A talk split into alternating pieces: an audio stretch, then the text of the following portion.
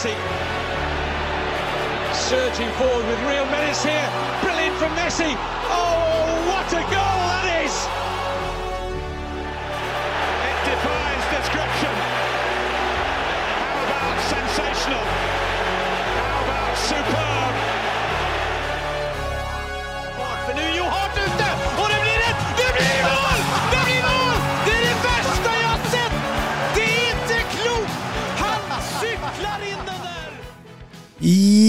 Ja da! Det er fredag 1. juli. Klokken er i ferd med å bli passere 20.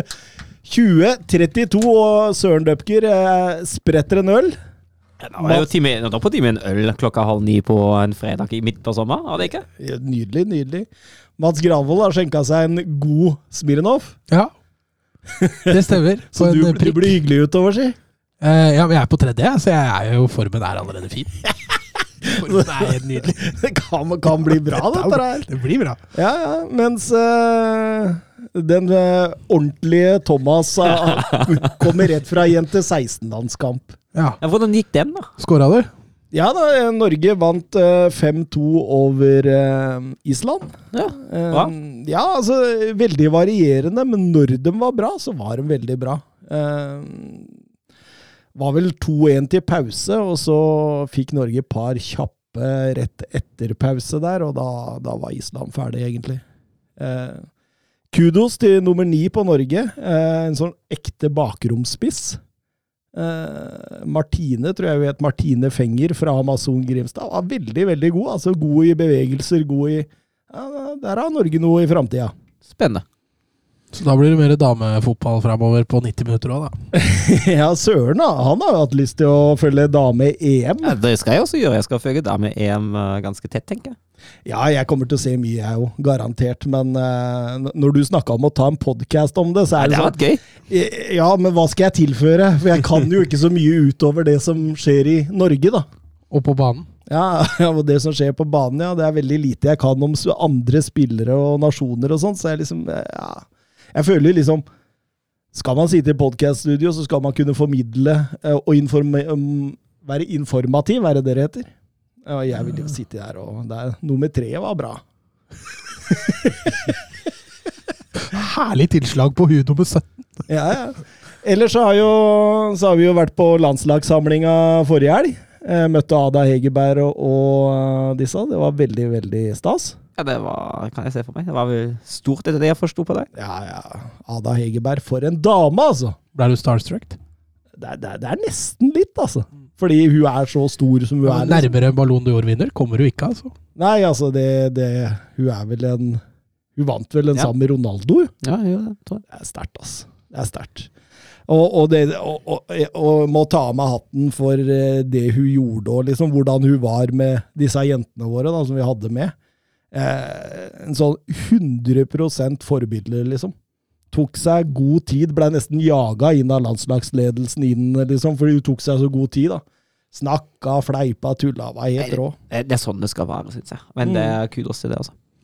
Absolutt. Eh, hva har dere gjort siden sist? Det har jo gått en halvannen ukes tid, er det ikke det? Ja, vi var vel på samme landskamp, vi, Thomas. Ja, stemmer det. Damenes kamp mot New Zealand. Kampen i seg sjøl var jo en skuffelse. Ja, den var ikke veldig god, jeg er helt enig i det. Men uh, hyggelig for all del. Og så har jeg nå fått meg en ny leilighet, så det er jo veldig hyggelig. Så Gratulerer!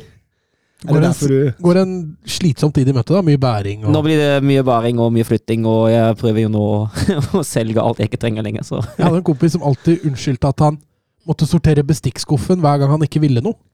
Men det kan jo du faktisk si nå.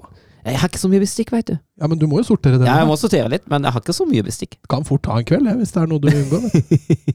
Men det blir, nå har, jeg har heldigvis god tid med å flytte. Vi har leiligheten fra sånn ja, 30. juli 1. august, og så har jeg min nåværende ut september, så jeg har jo ganske god tid på meg. Ja. Men jeg er jo interessert i å flytte over så fort som mulig, egentlig. Ser den, ser den. Nei, men det er hyggelig. Gratulerer, Søren. Tusen takk.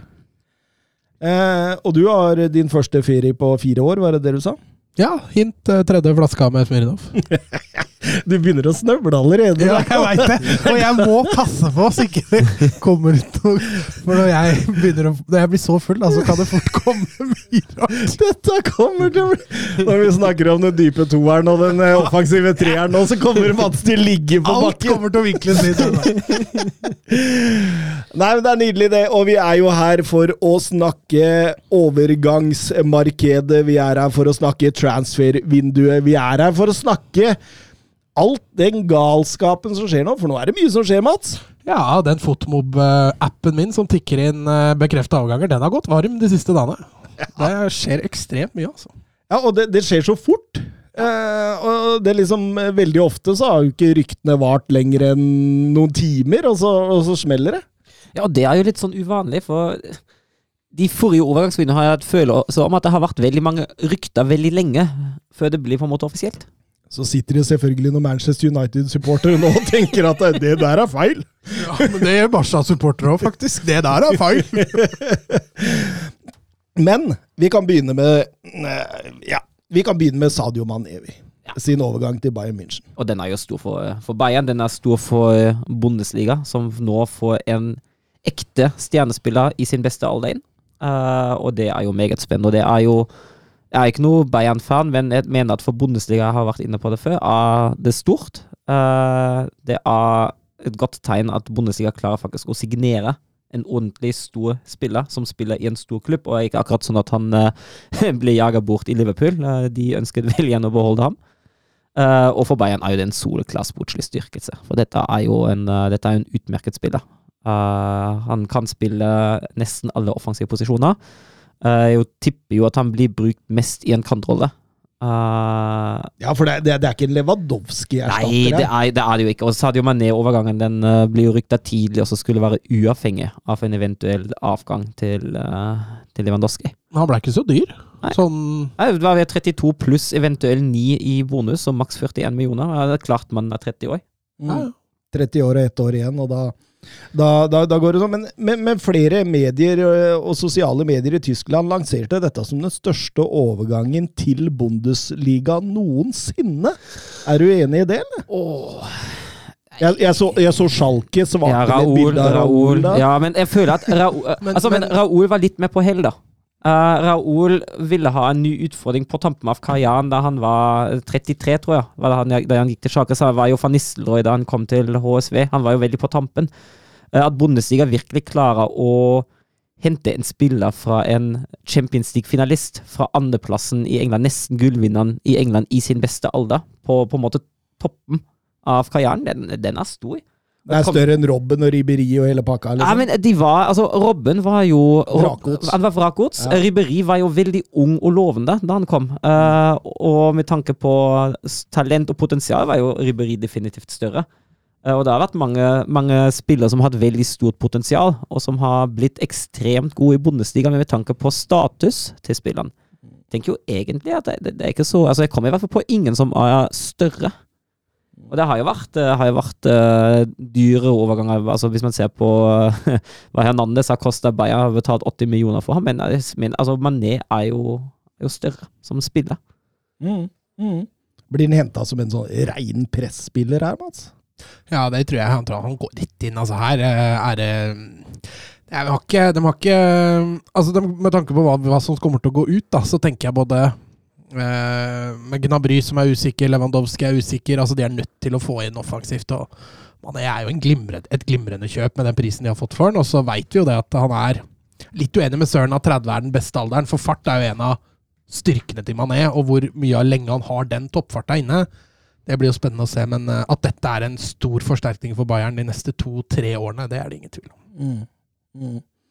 Nei, det er bare å hylle overgangen. eh, Godt jobba i kulissene der, som får til dette. Og, og, og det, det er jo et bevis igjen på storklubben Bayern München. Da. Det er det jo absolutt. Og som Mats har nevnt forrige episode, det er ingen andre klubber i Bundesliga som kunne ha dratt den i land. Altså. Nei. Nei, jeg er helt enig i det. Um, vi skal over til um overgangen Romelu Lukaku.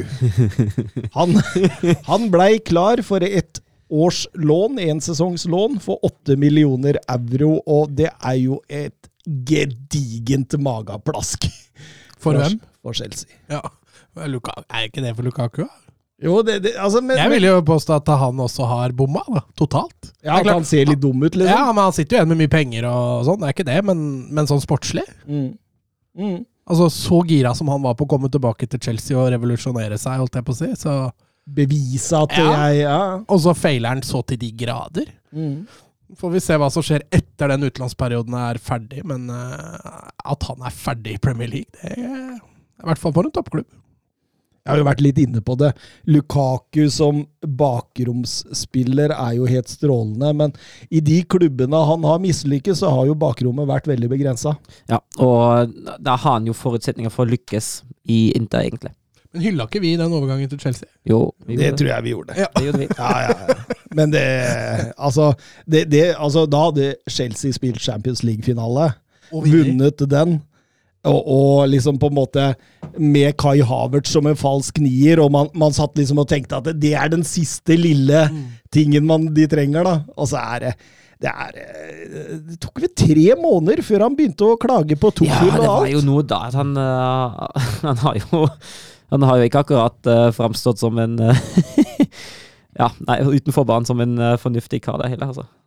Nei, det er absolutt ikke. Og det, det, det virker jo nærmest som han har pressa gjennom denne overgangen her. At noen ganger så kan man nullstille. ikke sant? Altså, ok, denne sesongen gikk dårlig, vi prøver en sesong til. Sannsynligvis vært det beste for både Chelsea og, og ja, kanskje Lukaku i tillegg. Men, men, men det virker som at her har man bare pressa igjennom. For alt det er verdt. allerede fra nyttår så tror jeg Lukaku begynte å planlegge Milano- Milano-tida igjen. Mm. Og det er litt sånn eh, Nei, jeg, jeg skjønner ikke det. Men, de, men Inter da får inn mye kvalitet for lite penger nå. Miktarian og Onana er begge klare på gratisoverganger. Det er jo det er sterkt, det, altså. Så de, de, de bygger klubb med lite penger der i Inter nå, og, og prøver å Åssen er Dybala-rykta? Det er nettopp det. Vi fikk jo inn et spørsmål fra Petter Støvland om det. Hva skjer med Dybala? Og altså, det har blitt veldig stille. Veldig. Ja, det eneste jeg har lest nå, at han har bekrefta ferdig i Juventus, men det har jeg visst en stund, da. Mm. Nei, altså, det går jo diverse rykter om at, uh, at Inter prøver å offloade Tseko for å få plass til, uh, til uh, Dybala nå. Ja, og det, det er jo med tanke på at Lukako Lukaku kommer tilbake. Tenker jo at det er, det er jo på en måte fornuftig. Man har, jo, man har jo litt for mange spillere offensivt nå. Det var klart, Djeko han er vel 34-35 eller noe sånt. Mm. Så den uh, karrieren begynner jo å nærme seg å være ordentlig på hell. Ja, og de har jo Correja, de har uh, Martinez i tillegg. Så, så noen må jo ut. Men så begynner det å Altså, det, det, det er noen smårykter rundt AC Milan nå, at de kanskje kan prøve å kuppe hele greien. Så vi får se. Vi får se. Ligger i hvert fall an til at han blir i Serie A. Det gjør jo det. Det gjør det. Um, Gabriel Jesus er vel ikke sånn 100% klar enda, men, men, men det sies at han skal være 100% klar, så altså, altså det, det, Herlig formulert sett. ja. Men det, er det er ikke, det er ikke, offentlig. Ja. Det er ikke offentliggjort av noen av klubbene. Type Rydiger til Real Madrid, som også Ja. tok Ja. ja. Ja, ikke sant.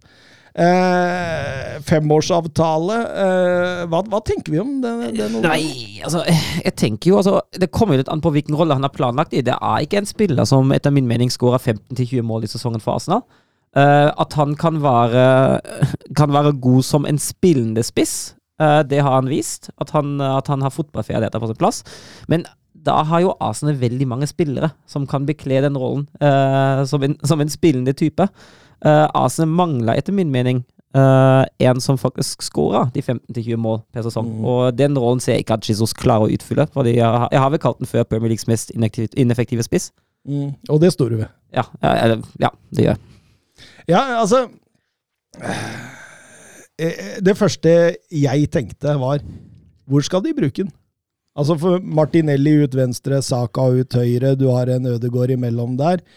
Eh, og da er jo, står jo den nierplassen ledig. Men han er jo ikke for meg en nier som vil, skåre 20 pluss i Arsenal. Eh, så, da, så da vil han jo være en, en spiller som på en måte er med i det leddet bak, da, eventuelt. Og så må de jakte en ny nier i tillegg. Men det kan det godt hende de skal, for alt jeg vet. Ja, Begynner å få bra bredde òg, da, i det leddet bak. De gjør jo det. Og en Smith Roe og en PP. Og en PP, ja. Ikke minst. Ikke minst en PP. Lurer på om eh, han er noe særlig Tess. Ja, så særlig eh, hva, hva, hva skal jeg si? At jeg tror ikke han er med i planene til Arteta. Altså. Nei, det er i så fall som en backup, tror jeg. Men Arsenal blir, blir eh, brasilianisert, Skal du se si. U21 Nei, U19 etterpå? Eh, jeg tror ikke jeg rekker det. Skal jeg si deg resultatet? Ja. Israel leder 1-0. Gjør den det? Det er pause nå hvert øyeblikk. Ja, jeg så den semifinalen mot eh, Frankrike. Det er det villeste, altså. Det er det villeste. De hadde så tur. Det er sikkert noe av det samme her. De ligger bak. Det det, det, dette her, hvis de vinner den, så blir det det blir eh, Hellas om igjen fra EM. Jo, men eh, det jeg skulle si, Bra Arsenal blir brasilianisert. Eh, åpenbart må alle hete Gabriel.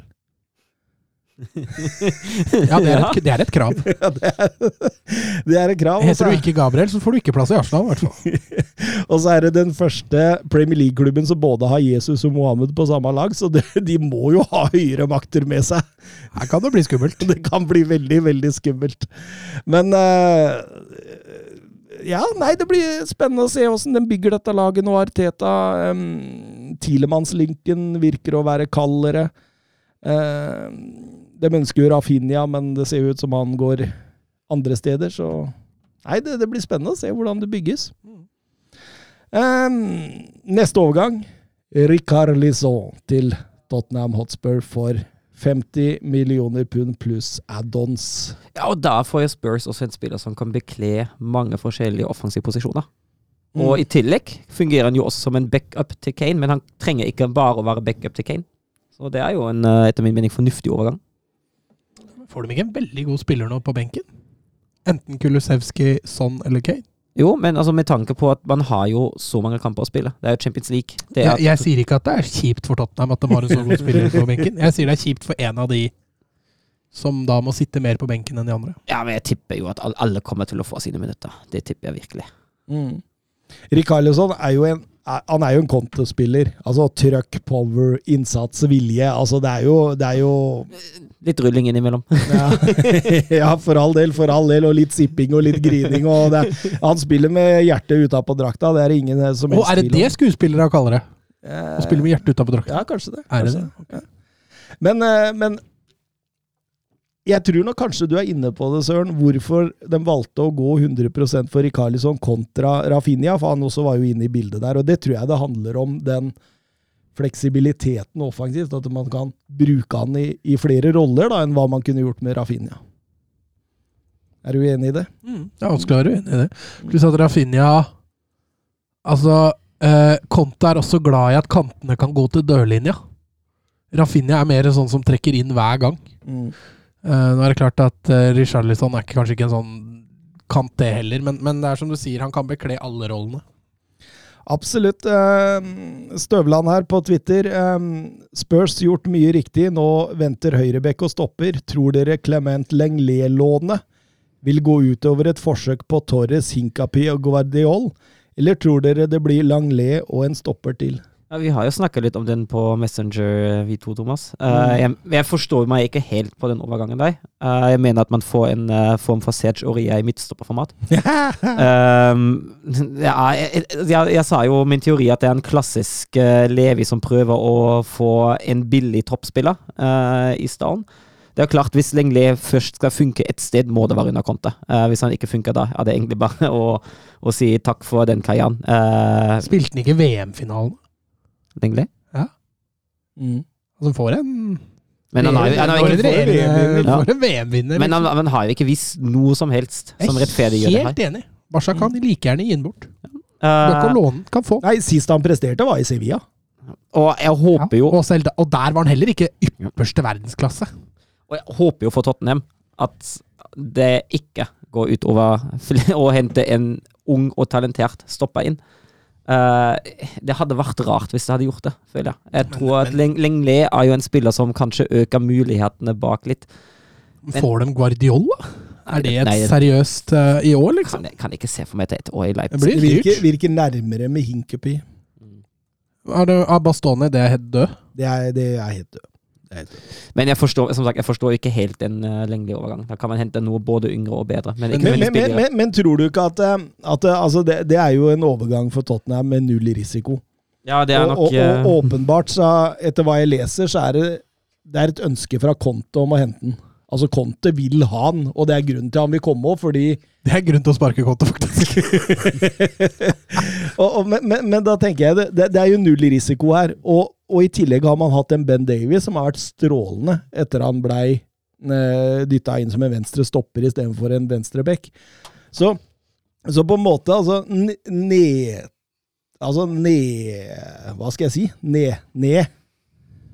Ned. Ned. Nedslagsfeltet? Ja, kan vi si det? Ja. Nedslagsfeltet her blir så lite, og oppturen kan bli så stor. Da var nedslagsfeltet Kommer, feil. kom, kommer an på. Hvis han, hvis, han, hvis, han får, hvis han får spille kamp og lager straff i annenhver kamp han spiller, så kan det ha ganske kjipe konsekvenser. Ja, men da kommer fort Ben Davies Jo, jo. inn. Også, også. Men det, men det er klart, altså, hvis, hvis han skulle nå blokkere for en, eh, for en overgang til en yngre stopper, så blir det jo kjipt. Mm. For det tenker jeg jo må inn uavhengig av Lengli. Det er Lengles siste sjanse, Mats. Får ikke kontoorden på den, da er han ferdig. Ja, ja, det er den, men jeg, altså, jeg blir litt Jeg blir litt overraska hvis, hvis han ender opp i Tottenham, selv om det er med et lån. Da er det lettere å akseptere, selvfølgelig, men, Det virker veldig klart nå. Veldig, veldig klart. Altså, det virker som det er men altså, dette er en spill Altså, jeg kan ikke se for, se for meg at han blir en sånn verdensstjernestopper, altså. Nei. Han blir i beste fall en backup. Spennende å se. Vi går over til eh, en annen deal som eh, ikke er bekrefta av klubbene, men som er don deal ifølge de som har greie på det. Calvin Phillips til Manchester City. Ja, og det er jo, eh, det er jo den posisjonen som styrkes nå etter at Fernandinho har avsluttet sin ekstremt langvarige City-karriere. Da har man jo fått inn egentlig en én-til-én-erstatter på den plassen der. Tetter hull, det er det de gjør. Mm. Ja, nå har de vel dobbeltdekning på alle plasser. Ja, utenom venstre Uten Utenom kanskje. venstrebekken. Og der kom vel Kukuerella inn. Jeg så at eh, det var neste transfer-mål for dem. Så samtidig, eh, Kukurea, eh, Brighton, fire år igjen av kontrakta. Det er ikke sikkert det går, altså. Det blir dyrt. Mm. Men, men, men Phillips, da. Eh, Han, vil jo gå inn og så vil dele tid med Rodri her. Jeg kan ikke se for meg at han noen gang kan spille en indreløper i det City-systemet. Nei, og jeg kan heller ikke se for meg at han spiller fast etter den sesongen Rodri akkurat har hatt. Nei. Så han må jo være obs på sin posisjon. Samtidig så er det lett å tenke at når du var 45 mil, var det det? Mm. Når du betaler det for en spiller, og det skal være en backup, da veit du at du har god råd. Samtidig da så tenker man jo at han, han kommer til å få mer spilletid enn en backup. Mm. Men han kan vel også figurere litt på, på stopperen? Ja, hvis det, hvis det er virkelig krise, i hvert fall. Ja, det kan jo Rodri også, men det er klart nå begynner City å få mye stoppere òg, så det er Mm. Stefan Ortega også ble klar i Ja, eh, ny reservekeeper. ny reservekeeper. Zack Steffen, da. Han, Han blir satt på lån et eller annet sted, så veit jeg ikke hvor, men det var han som Manchester surrei. City har jo ganske mange klubber å velge mellom. Ja, og, og Tega kan jo, kan jo bare skyte inn, og Tega er jo også en keeper som uh, Guardiola liker. Han er jo en godballspillende keeper som, uh, ja, som kan fint fungere i det City-systemet hvis han må spille. Og når vi først er inne på alle klubbene under City Group, så kan vi ta spørsmålet fra Bjørn Erik eh, Skorge på Twitter. Er City Group i ferd med å ødelegge fotballen? Kjøper Palermo nå? Når Troya kan hente inn en brasiliansk talent, for så å låne den ut til PSV, som er en mye bedre klubb, spør han. Ja, og han er jo inne på noe. Jeg har jo eh, ved flere anledninger eh, vært kritisk til diverse eierstrukturer i den moderne fotballen, og det står jeg også ved. Eh, og vi ser jo det til tider også med Red Bull, som eier både eh, Salzburg og Leipzig, at eh, spillere som Red Bull Salzburg ønsker å ha, ha spiller i Østerrike, har en utkjøpsklausul bare for utenlandske klubber. Eh, så kjøper Leipzig den spilleren og transfererer den tilbake til Salzburg. Eh, etter min mening er det en uting, eh, og det bør strengt tatt ikke være lov for en eier å ha med en én klubb i toppfotballen. Dette begynte vel med Pozzo-familien, som uh... Og så ser man også at det går på tvers av grener. Det er disse amerikanere som eier eh, fotballkamp, fotball, amerikansk fotballklubber og NHL-klubber, og, og Mm. nå begynner de å kjøpe seg inn i fotballklubber i Europa. Så det går også over, eh, Mm. over grenen nå. Manchester City Group er vel åtte klubber, tror jeg, i forskjellige verdensdeler. Eh, Heter det Manchester City Nei, det heter Group? vel City Group. Ja. City Football Group, tror jeg de heter. Et eller annet. Ja. Og Red Bull-systemet har vel to menn De har to farmerlag. Ett i Brasil og Liefering. Ja, og så- og så har de Red Bull New York, da. Ja. Det har de også direkte, så de har Ja. tre. Eh, problemet vil jo komme når en av disse laga vil møte hverandre. Palermo er jo en klubb kjent for å ha mye kål, da. Mm. så der må det jo ryddes opp skikkelig. Mm. Det er en sesong der hvor de rykka ned, rykka ned tre ganger, holdt jeg på å si, men de hadde vel noe sånt som fire-fem trenere i løpet av en sesong, og den var jo bare kål. Jeg tror de siste ikke jeg statistikk er en stund siden, men jeg tror det var noe sånn at de siste 18 åra hadde de 23 trenere. Det er helt sykt, altså. Det er en klubb det virkelig er, lukter svidd av. Ja, men, men er det helt utenkelig at Manchester City kan møte Palermo eller Troya eller eh, til eh, Liksom sånn i framtida? Nei, det er jo, det er jo ikke det. Eh, veien til internasjonal fotball hvis man har penger, og hvis man tar de riktige grepene, er jo forholdsvis kort. Men hva tenker du blir konflikten? At Troja legger seg for at City skal gå videre, liksom? Ja, altså jeg tenker jo det at eh, her kan jo eierne gå inn da, og så bestemme hvem som skal vinne kampen, vi, i, til fordel for det laget de ønsker. Skal det? Ja, det er For, for eksempel, Tenk hvis vi i siste Champions. League i gruppespill, så møter eh, Palermo eh, Manchester City. Ikke sant? Og, og Palermo trenger en seier for å gå videre. City er allerede klare. Det, det, blir, det kan jo bli et kjempeproblem. Der, men hvis Palermo da hadde vunnet mot et City som stiller Ja, så, så, juniorlag, så ville, så ville man jo antageligvis gått inn og sett nærmere på det. eller, eller i verste fall et City-lag som spiller toppa, da. Og taper! Ja, ikke sant? Men det- det er jo- Hvor er integriteten til spillere da? Ja, men altså, det, dette er her, det, det kan jo by Det på masse masse problemer. det kan fort bli sånn, og jeg tenker jo at løsningen er ikke tillate med en én klubb per eier. Nei, altså Pozzo-familien som eide vel Watford, Granada og Odinese, var det Odinese, ja. Ja. Det er vel dette her greiene der som starta det. Jeg husker Granada hadde vel elleve spillere fra Udinese på lån. Ikke sant? Og, og, og, og igjen, da, som, som eh, så godeste Bjørn Erik er inne på her, ikke sant? nå har jo Troja henta en spiller, et stort brasiliansk talent, og så leier de den ut til PSV. Direkte til PSV. Altså, PSV er jo et bedre fotballag enn Troja. Altså, sannsynligheten for at Troja kunne bruke han, er jo mye større. Og så selger de en til City om et par år for, for 20 sant. kroner. Ikke sant. Det er det som kommer til å skje. Og det samme skjedde jo med Meti, Metinho der. Eh, han også ligger vel nå Nå spiller han vel i Troja, men eh, det, det er ikke mange år før han glir rett inn i Manchester City. Og, da, og det Nei, jeg, jeg, jeg liker ikke dette. Nei, det høres litt shady ut, det her. Men eh, nok om det. En dobbeltsignering til Newcastle. Eh, Nick Pope og Sven Båtmann. Og det er jo ordentlige forsterkninger. Eh, Men Dubravka har jo ikke vært dårlig, han. nei, eh, jeg tenker jo altså Men Dubravka altså, Pope, Pope er vel eh, Han har vært mye 30 skada, da. Ja, det er det ene, og Pope er vel 30, så han er vel fem-seks år yngre enn Dubravka. Jeg tror Dubravka er vel sånn i midten av 30-åra allerede, ikke sant? Eh, og altså, det var kanskje ikke helt nødvendig å styrke keeperplassen akkurat nå, men med tanke på at Burnley rykka ned og Pope var tilgjengelig, tenker jeg at den sjansen kunne man ikke da gå fra seg. og uh, det er- er jo en fornuftig uh, og gjennomtenkt overgang, virker det som. Det er en engelsk landslagsspiller Ja. til 11,5 millioner pund. Det, det, det, det får du ikke ofte. Men, men, men, men det jeg slår meg, da, det er jo hvordan Burnley og, og, og den gang Sean Dyche satte dette med keeperspill og forsvar i organisering, altså i forhold til blokk Altså man, åssen man skal blokke.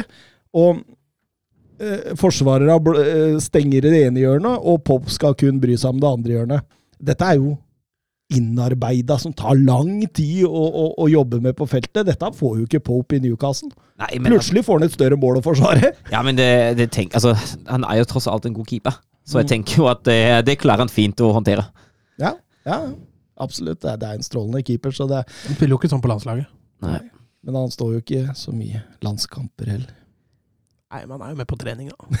ja, han er med på trening. Derfor liker han ikke de blokkene. Men Sven Båtmann, da? Eh, Kjempe, altså, det er en kjempegod Sven overgang. Det er jo en, eh, det er en uh, lovende ung spiller som allerede har vist at den er god, og holder et høyt, høyt nivå. Han har tatt rett ut antall karakter på Saltkråkan. Sven Båtmann.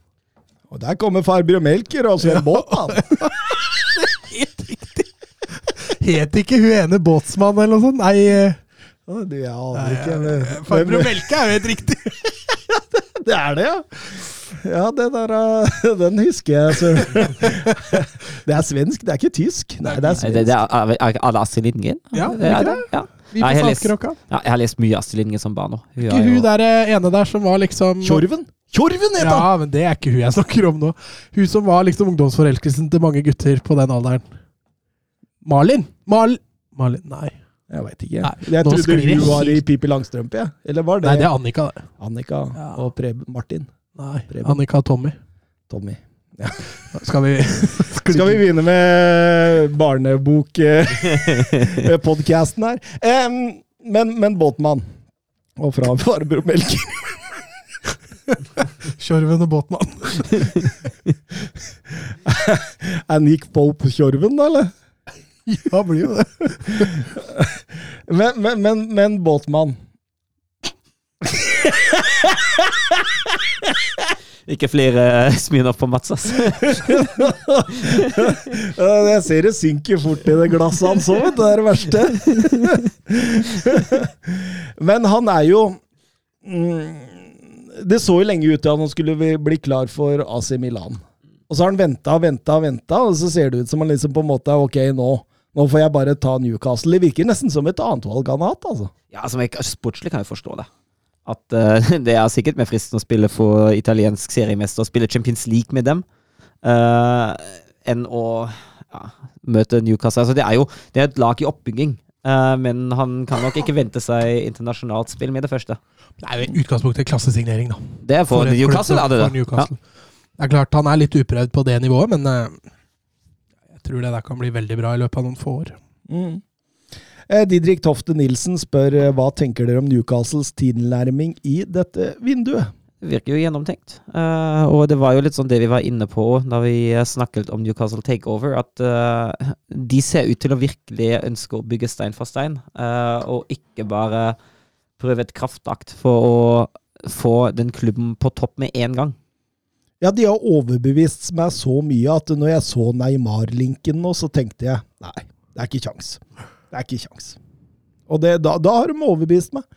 Eh, det ble ikke noe av Hugo Ekitike, da, som eh, den eh, dealen kollapsa fullstendig. Ja, men det må man nesten regne med. Altså, akkurat, altså, Newcastle har jo eh, tross alt ikke den høyeste internasjonale statusen som ting er akkurat nå. Nei, absolutt, men de jobber jo knallhardt med Moussa Diaby og Lucas Paqueta nå, da. Tror du det er to stykker som kunne kommet inn og gjort en jobb? Ja, Paqueta er jo en uh, spiller jeg har hatt litt erfaring med før. Er jo en strålende fotballspiller. Uh, igjen litt uprøvd på det engelske systemet, så det er jo en risiko. Men eh, Diaby er jo en, eh, hadde jo vært en klassesignering. Han har jo vært enorm for Leverkosen den eh, siste sesongen. Nå ser han også ut til å prestere mer konstant. Eh, så å få ham inn på kanten der, det har vært helt nydelig for Newcastle. Maximæ på den ene og Diaby på den andre. Ja, det, er, det er show, altså. Det høres bra ut. ja, har Wood på topp, da, så det drar litt ned. ja, og der tror jeg de må få seg en Det De må få seg en gir. De må gjøre det. Um, Paul Pogba, gratis til Juventus. Igjen. Jeg så en, så en video på TikTok. Uh, We get Pogba. Pogba. 82 millioner. Dere får Pogba. Men seriøst, dette kommer til å bli strålende. Han kommer Altså, altså Pogba er alt Juventus har mangla de siste åra. Han, Så lenge kommer han holder seg skadefri, så. ja, han kommer til å dominere i Serie A. Han kommer til å, altså, man kommer til å snakke om eh, hva er det Manchester United har drevet med, fordi nå har han vært så fantastisk før og etter Manchester United. ikke sant? Han kommer til å vise oss altså, jeg, jeg, jeg, The sky is the limit her. altså. Jeg tror han kommer til å heve det laget noe voldsomt og ta Serie A fullstendig med storm. Og så Juventus tilbake på topp. Ja, det, det kan fort skje. Det kan fort skje. Akkompagnert av godeste Angel Di Maria. Og Vlaovic. og Vlahovic, ja. Angel Di Maria, det ser ut som den går igjennom, Søren. Ja, det er ikke så rart at eh, Juventus henter seg en spiller som har, som har gått godt over 30. Og gratis. Ja. men eh, men altså, med, tanke, med tanke på det vi har snakka om og kritisert Juventus for at uh, det mangler litt kreativi, kreativi, kreative, uh, med tanke på at de har mista Dybala. Uh, selv om Di Maria kanskje er best på en mer kantrolle og Dybala best litt mer sentralt, tenker jeg jo at man får inn en god del av den kreativiteten man mista med Dybala igjen, da.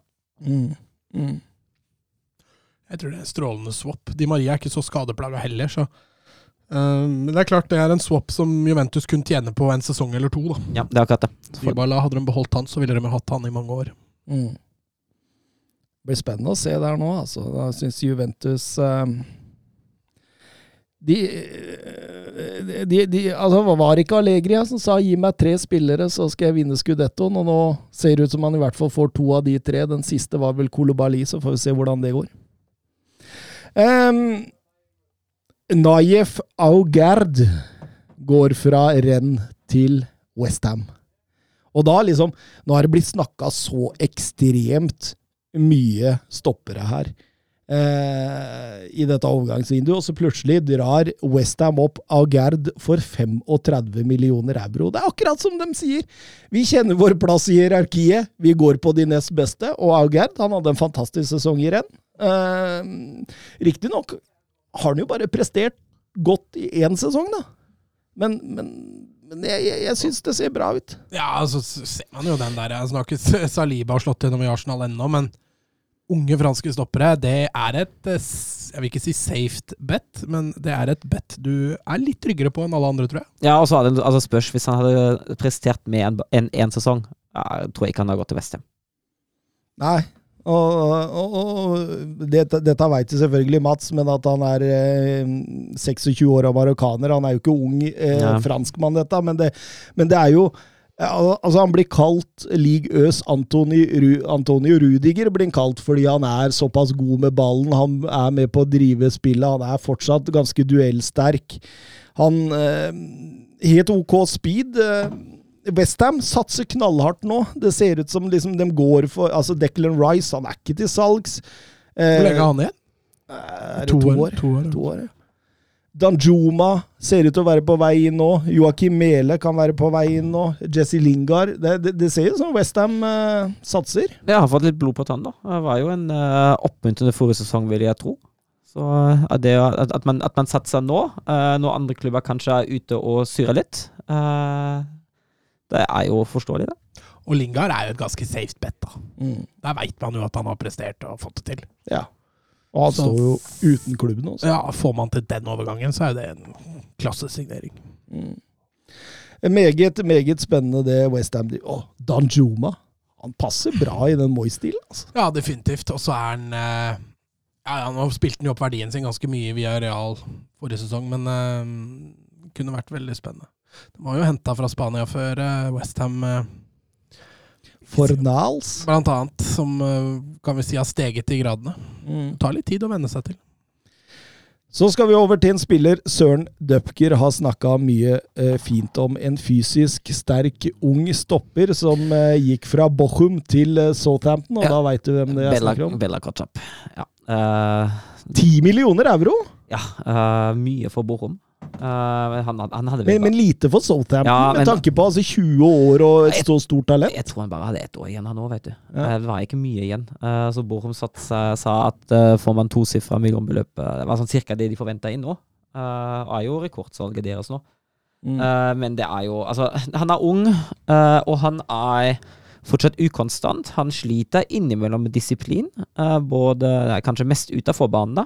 Eh, Ryktes om diverse eh, ting eh, utenfor banen som ikke alltid har vært helt bra. Eh, men dette er en stopper med et enormt potensial. Som du har vært inne på, han er fysisk, han er et fysisk beist. Samtidig har han brukbar eh, ballbehandling, eh, brukbar pasningsspill. Han har fin fart, som kan tjene Southampton med tanke på den høytstående forsvarslinja. Så dette dette har egentlig en stopper som har hele pakka, men som er selvfølgelig fortsatt ganske uferdig. Mm. Men hvis man får dette ha filtrert og utviklet i de riktige kanalene, eh, da kommer det til å bli knallbra. Han er jo tysk U21-landslagsspiller òg. Hasenhutl sier at det er en spiller som passer vår profil. Han har et enormt potensial, samtidig så kan han hjelpe oss umiddelbart. Så det betyr jo det at han er jo tildelt å gå rett inn omtrent, Mats. Han blir, han blir så god på FM, han. Gjør han det, eller? Ja, han blir god på FM. Mm. Så det er et godt tegn. Det, det, det er et godt tegn. Vi, vi kjører FM som Kjører eh, FM som fasit. men, men jeg har vært litt overraska over hvor lite Haselhutla har henta fra det tyske markedet. Jeg, jeg kan ikke komme på én spiller jeg før dette. Nei, det, det kan jo ha med å gjøre at eh, Han burde jo kjenne Ja, han, han, kjenner, han kjenner nok. uh, men det kan jo ha med å gjøre at uh, tyskerne gjerne vet at Premier League-klubber sitter på mye penger. Mm. Altså, han bare Han henter i Frankrike isteden. Det er like greit. Eh, En annen som har eh, tatt turen fra Bundesliga til eh, Premier League, er godeste Taivo Avoni. Ja, og den blir jo veldig spennende. Han har jo fått egentlig sitt gjennombrudd nå i Union Berlin forrige sesong. Han har jo vært en god bakromspiss før, som har slitt litt med sluttproduktet. Men han har, jo fått ordentlig dreisen på det forrige sesong, og han har vært eh, helt enorm for Union uh, forrige sesong. Så at han, eh, han er et eh, godt valg for Nottingham Forest, det er jeg ikke i tvil om. Særlig hvis man skal ligge litt lavt og kjøre kontringer. Han er jo en glimrende overgangsspiller. Absolutt 15 mål i Bundesliga sist sesong, og historiens dyreste Nottingham Forest-spiller. Ja. Forrest må jo finne på noe for å klare dette her, så det Ja, jeg tror jo de har kjangs. Altså, så hva Brentford fikk til. Eh, du har sett lag tidligere òg som Men du har også, har også motsatt virkning, da. Altså Huddersfield som røyk ned igjen så det sang, så Men de, de, de holdt seg første året. Hadde Gjorde de det? Ja. Stemmer det, med Wagner, ja. Mm. De rykka ned andre.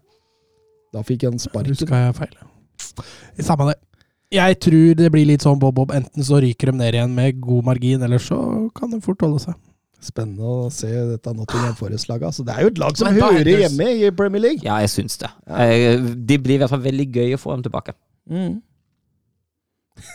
Er, du, er du i bånn av den uh, Smirnoffen nå, eller?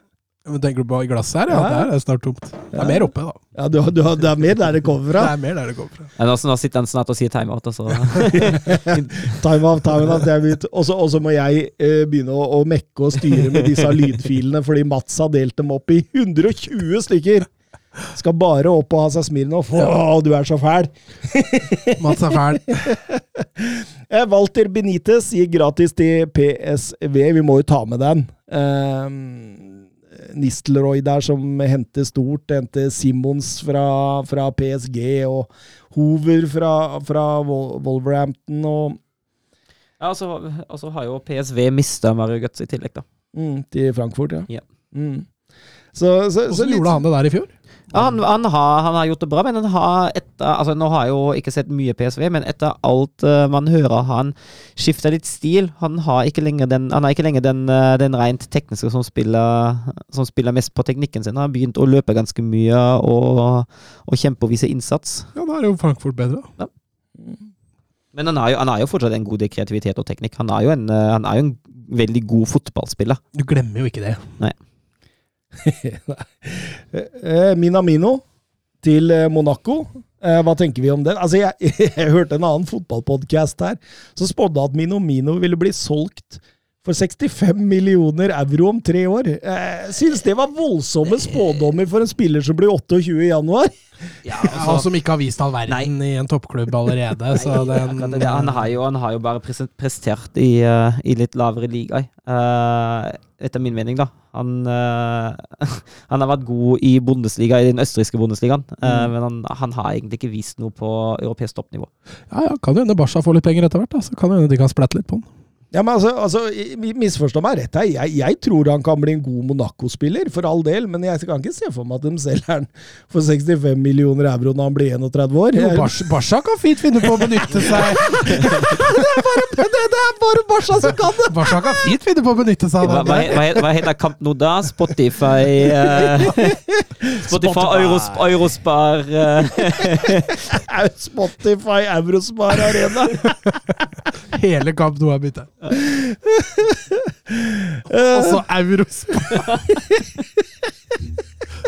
ja, men det er i Spania, er det ikke? Er Eurospar i Spania? Jeg, jeg veit ikke. Det er mye Vi- sparbutikker i Spania, i hvert fall. Jeg merka når jeg er på ferie der. Vi, vi har dem i Tyskland nå. Mm. Ja, ja. Eh, Tolisso. Han eh, blei endelig klar for Lyon, han eh, Søren. Ja, og han Hans Bayern-tiden, altså den Ja. Han kom med større forhåpninger enn det han fikk til. Mye skader, eh, og når han spilte, fikk han eh, som regel ikke fylle de store forhåpninger som var satt i ham. Så at han uh, er ferdig i Bayern, er da ikke noe mirakel. Men uh, en retur til den franske ligaen, det tror jeg kan uh, hjelpe ham. Han bør jo være god nok til å spille en god rolle i Lyon. Lyon som henter to gamle helter eh, hjem igjen i Lacassette og Tolisso. Eh, kan eh, Peter Bosch sitt eh, Lyon ta steget opp i denne sesongen? Ja, altså Hvis du får blanda det med de, den talentfabrikken det, det er, da, så Det er jo det som er utfordringen til Lyon. Greie å holde på disse unge gutta over lengre tid. Ja, og så har man jo Altså, jeg, jeg anser jo ikke Peter Bosch for å være en uh, fantastisk god fotballtrener. Det, det, det gjør jeg ikke, jeg heller. Så det er sånn Ja, jeg, jeg, jeg lurer på hvor langt han egentlig når med det laget der. Jeg tror ikke det blir særlig langt, altså. Nei, nei, nei. nei. Eh, hvis jeg sier til deg, Søren Bartol Frangic, hva er- sier du da? Det er Wolfsburgs ny. Ja, hva, hva tenker du om det? Jeg tenker jo at det er jo en ung uh, spiller, 22 år. Uh, tidligere U21-landslagskaptein for Kroatia. Uh, kommer rett fra Dinamo Zagreb, og det har kommet mye godt ut av Dinamo Zagreb. Luka Modric? ja. um, En ny Modric, dette? nei, det er han ikke. Nei, for det er han ikke. han- For han han er er vel en sjaka Ja, han er mer defensiv. Han kan bekle tre posisjoner. Han kan spille som sentral defensiv midtbane, han kan spille som midtstopper og kan også spille som venstrebekk. Uh, er vel uh, fysisk ganske imponerende med 1,88. Uh, og så har han vel uh, grei kvalitet. En spiller som jeg aldri har sett spille sjøl. Så må jeg stole litt på det som, uh, som har blitt fortalt og skrevet.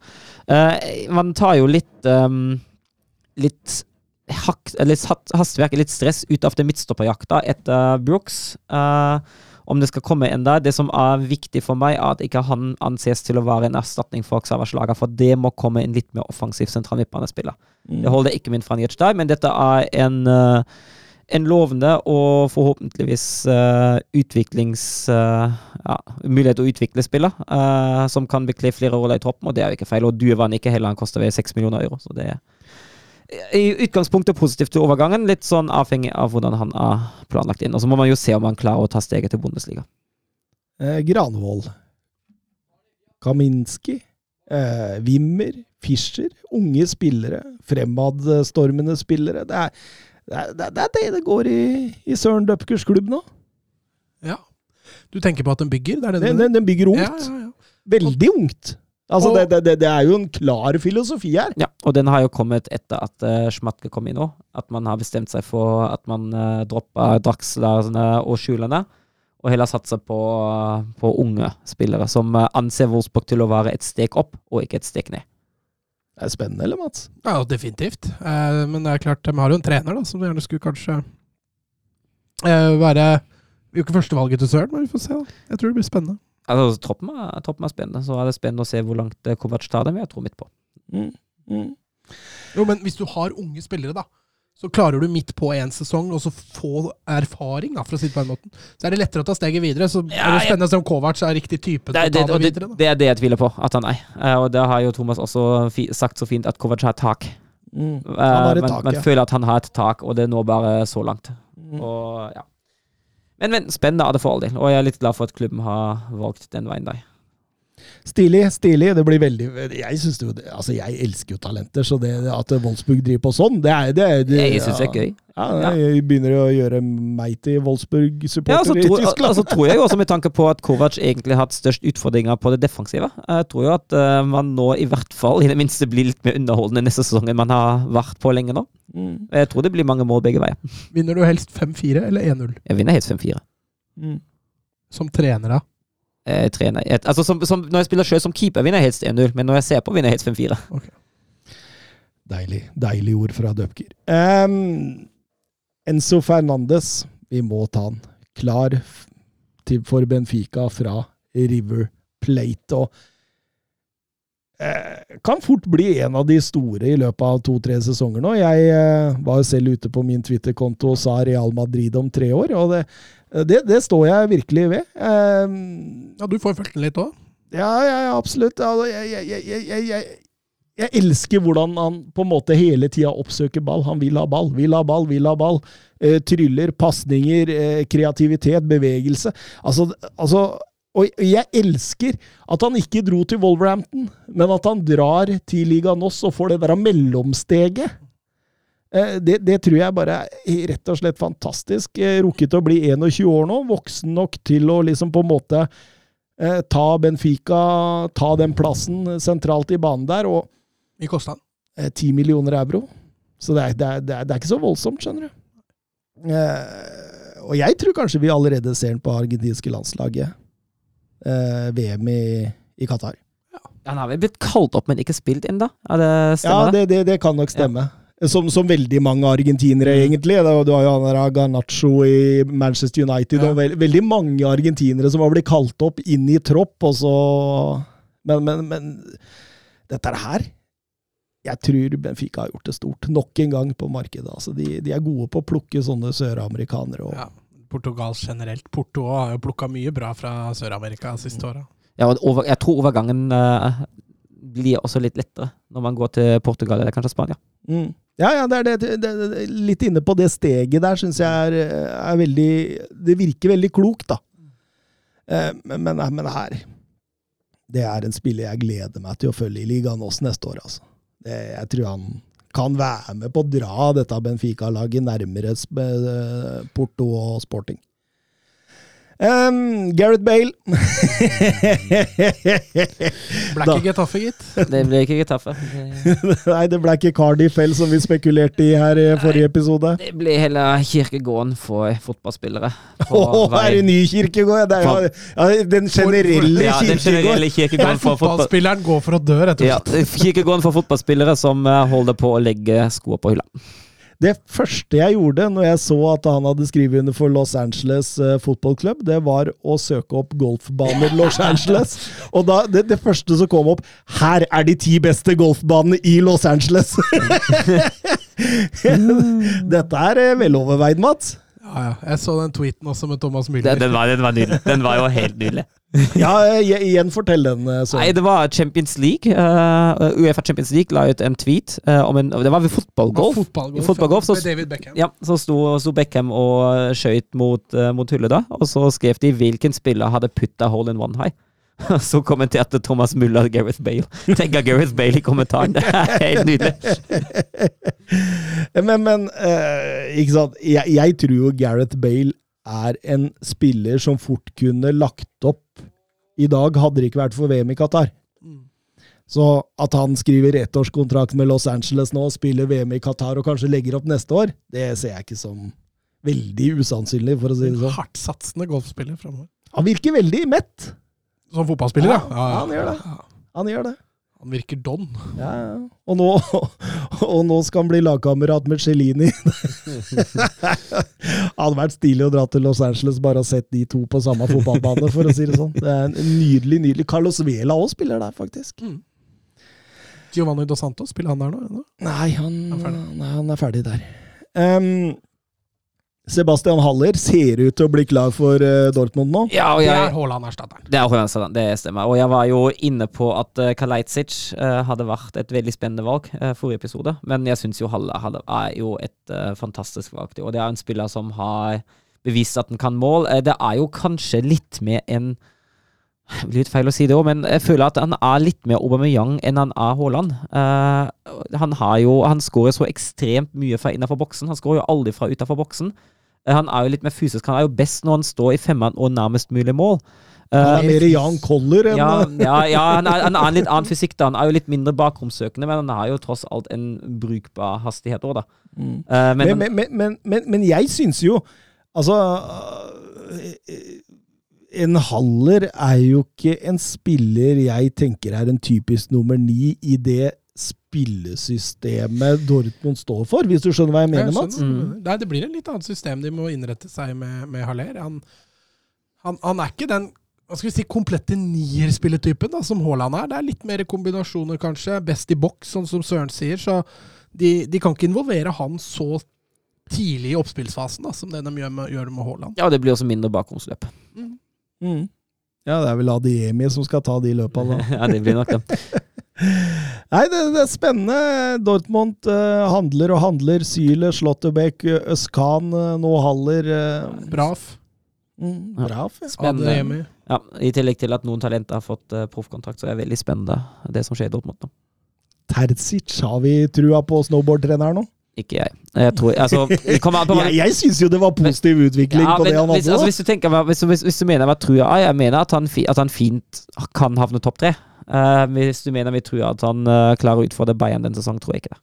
Nei, men det tror jeg ikke Guardiola hadde gjort heller omtrent. Altså. Nei, det- Eh, Så. Nei, men det er jeg enig i. Altså, det spriket fra Dortmund til Bayern er ganske stort. Altså. Mm. Det er ikke bare å hente fem spillere og Guardiola, så er det tetta, liksom. men likevel, blir man nummer to med Dortmund, så får man sparken. Ja, det er, det er ikke bra nok. Eh, En annen Bundesliga-kjenning er på vei av gårde, ikke fra Tyskland, men fra Real Madrid. Og da snakker jeg selvfølgelig Luka Jovic, som ser ut til å skrive et års låneavtale med Fiorentina. Og da tenker jeg her kan det være rekarniasjon Hva heter det? Rekarniasjon? Rekarnasjon. Reinkarnasjon, Ja, ja. reinkarnasjon. Ja. Ja, fordi her eh, det, det, altså, Vi snakka litt om Lengli, at det er sånn nå være eller ikke være. Eller Det tror jeg kan være litt her òg. Ja, men han gikk jo til Frankfurt på lån. Det skjedde jo, blei jo ikke. Altså, han, vel, han debuterte vel med et Nei, men jeg tror jo Italia passer strålende. Ja, det tror jeg òg. altså, altså, må han jo komme seg vekk fra hjemmet ditt. Han har ikke noe annet valg nå. Han må jo komme seg bort. Vet du hva jeg kommer til å tenke på nå? At alle spillere som kommer til Italia, har jeg tru på.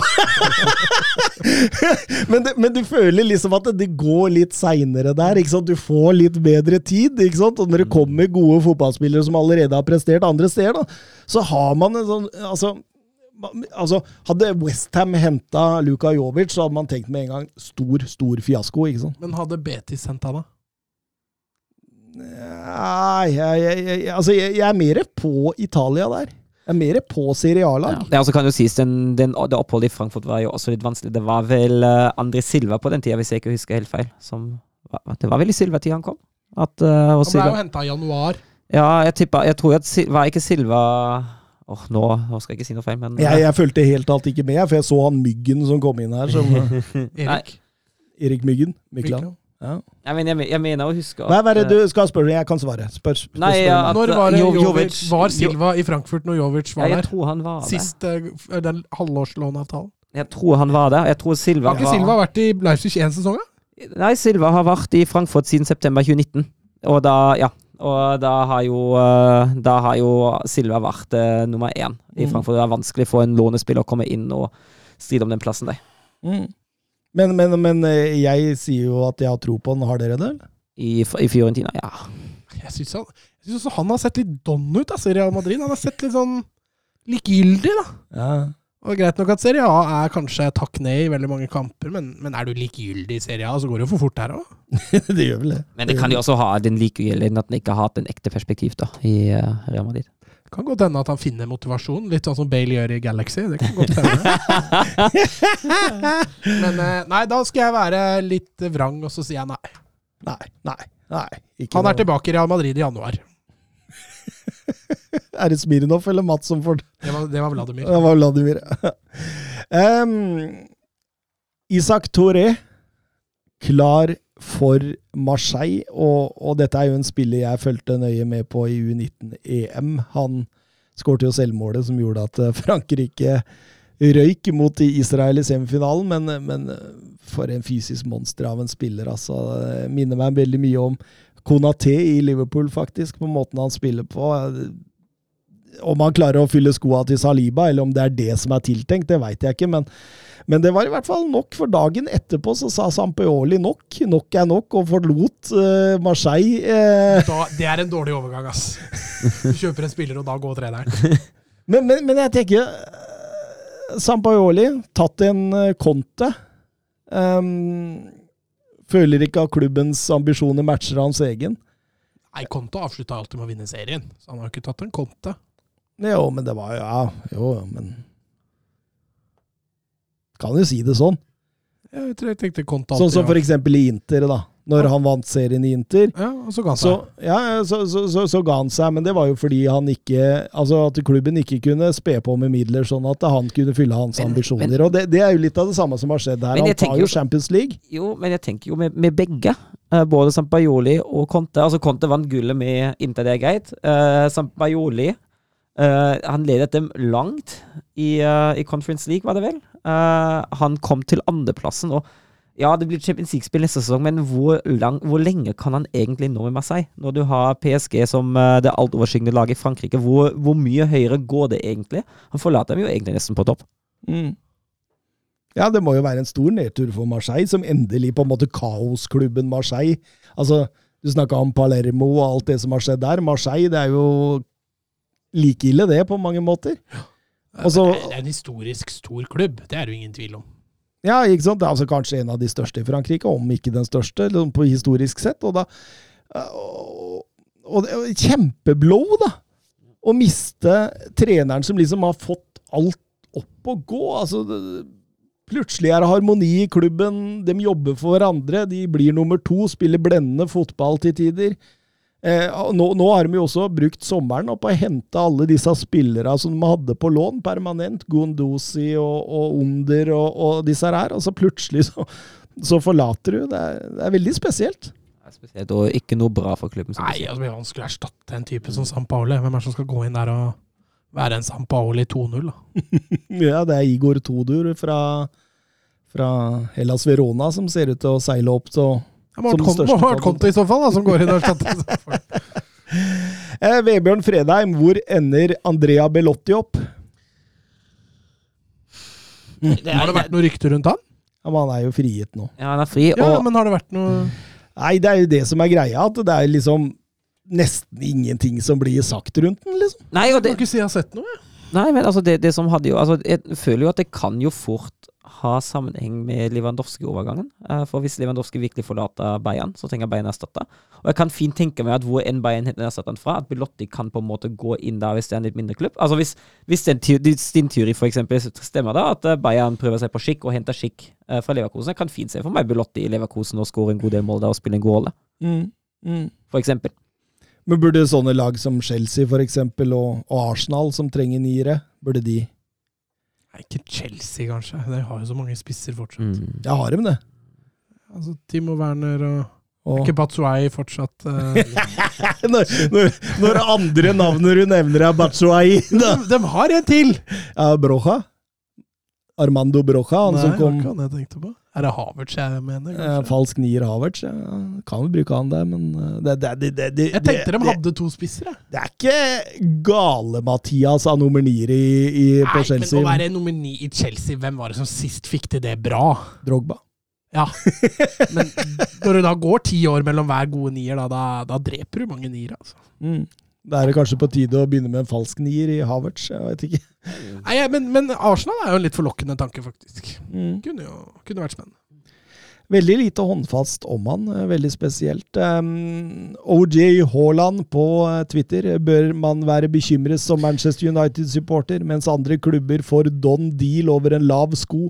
Sitter Manchester United og gnuger på den samme avtalen over flere uker. Ja, og det er jo det som vi har sett av United i uh, tidligere overgangsvinduer òg. Og det er jo Ja, man bør være bekymret. Eh, for hvis man eh, prøver å lande én og én spiller, som tar flere Ja. uker vei Det er litt sånn som politiet som kun hekter seg opp i én mistenkt. mm, ja. Hvis du skjønner hva jeg mener. Og så finner de ut Nei, fader, det var jo ikke han. Ja, Og så det- er det fucked Ja, på det, resten, det, det, liksom. det er som om jeg skulle finne meg en øl på polet, ta den med meg hjem, drikke den, og når jeg er ferdig med den, går jeg på polet igjen og kjøper meg en ny øl.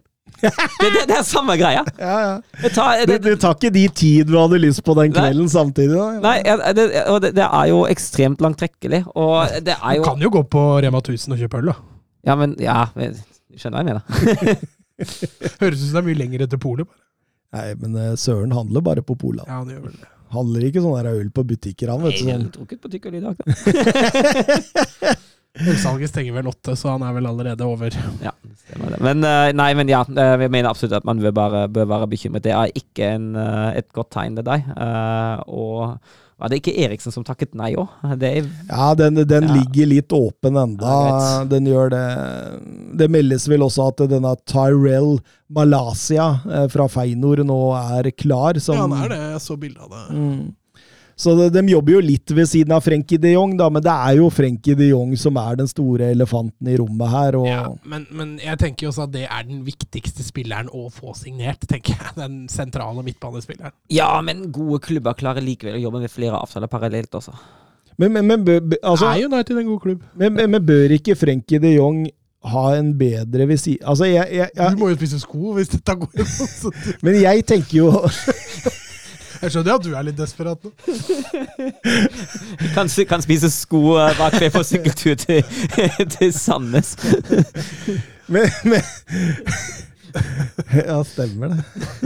Jeg har- Det, det, jeg skal ha, jeg skal ha hamburger på Skjønner Nei, men Nei, altså, la oss si jeg må spise sko med ketsjup og Jeg hadde heller tatt bearnés eller peppersaus. ja, ja. Ketchup hadde jeg gitt faen i, faktisk. Og så hadde jeg tatt av skolissene. Ikke ta sko med borrelås. Men, men det jeg skal Prøv å finne noen sko uten såle. Finne, Jævla skoprat her, da! prøv å finne en sko uten såle. Han skal dele den med hunden din, for han er glad i det, sikkert. Nei, han er ikke skohund. Han er ikke skohund. Han er ikke skohund.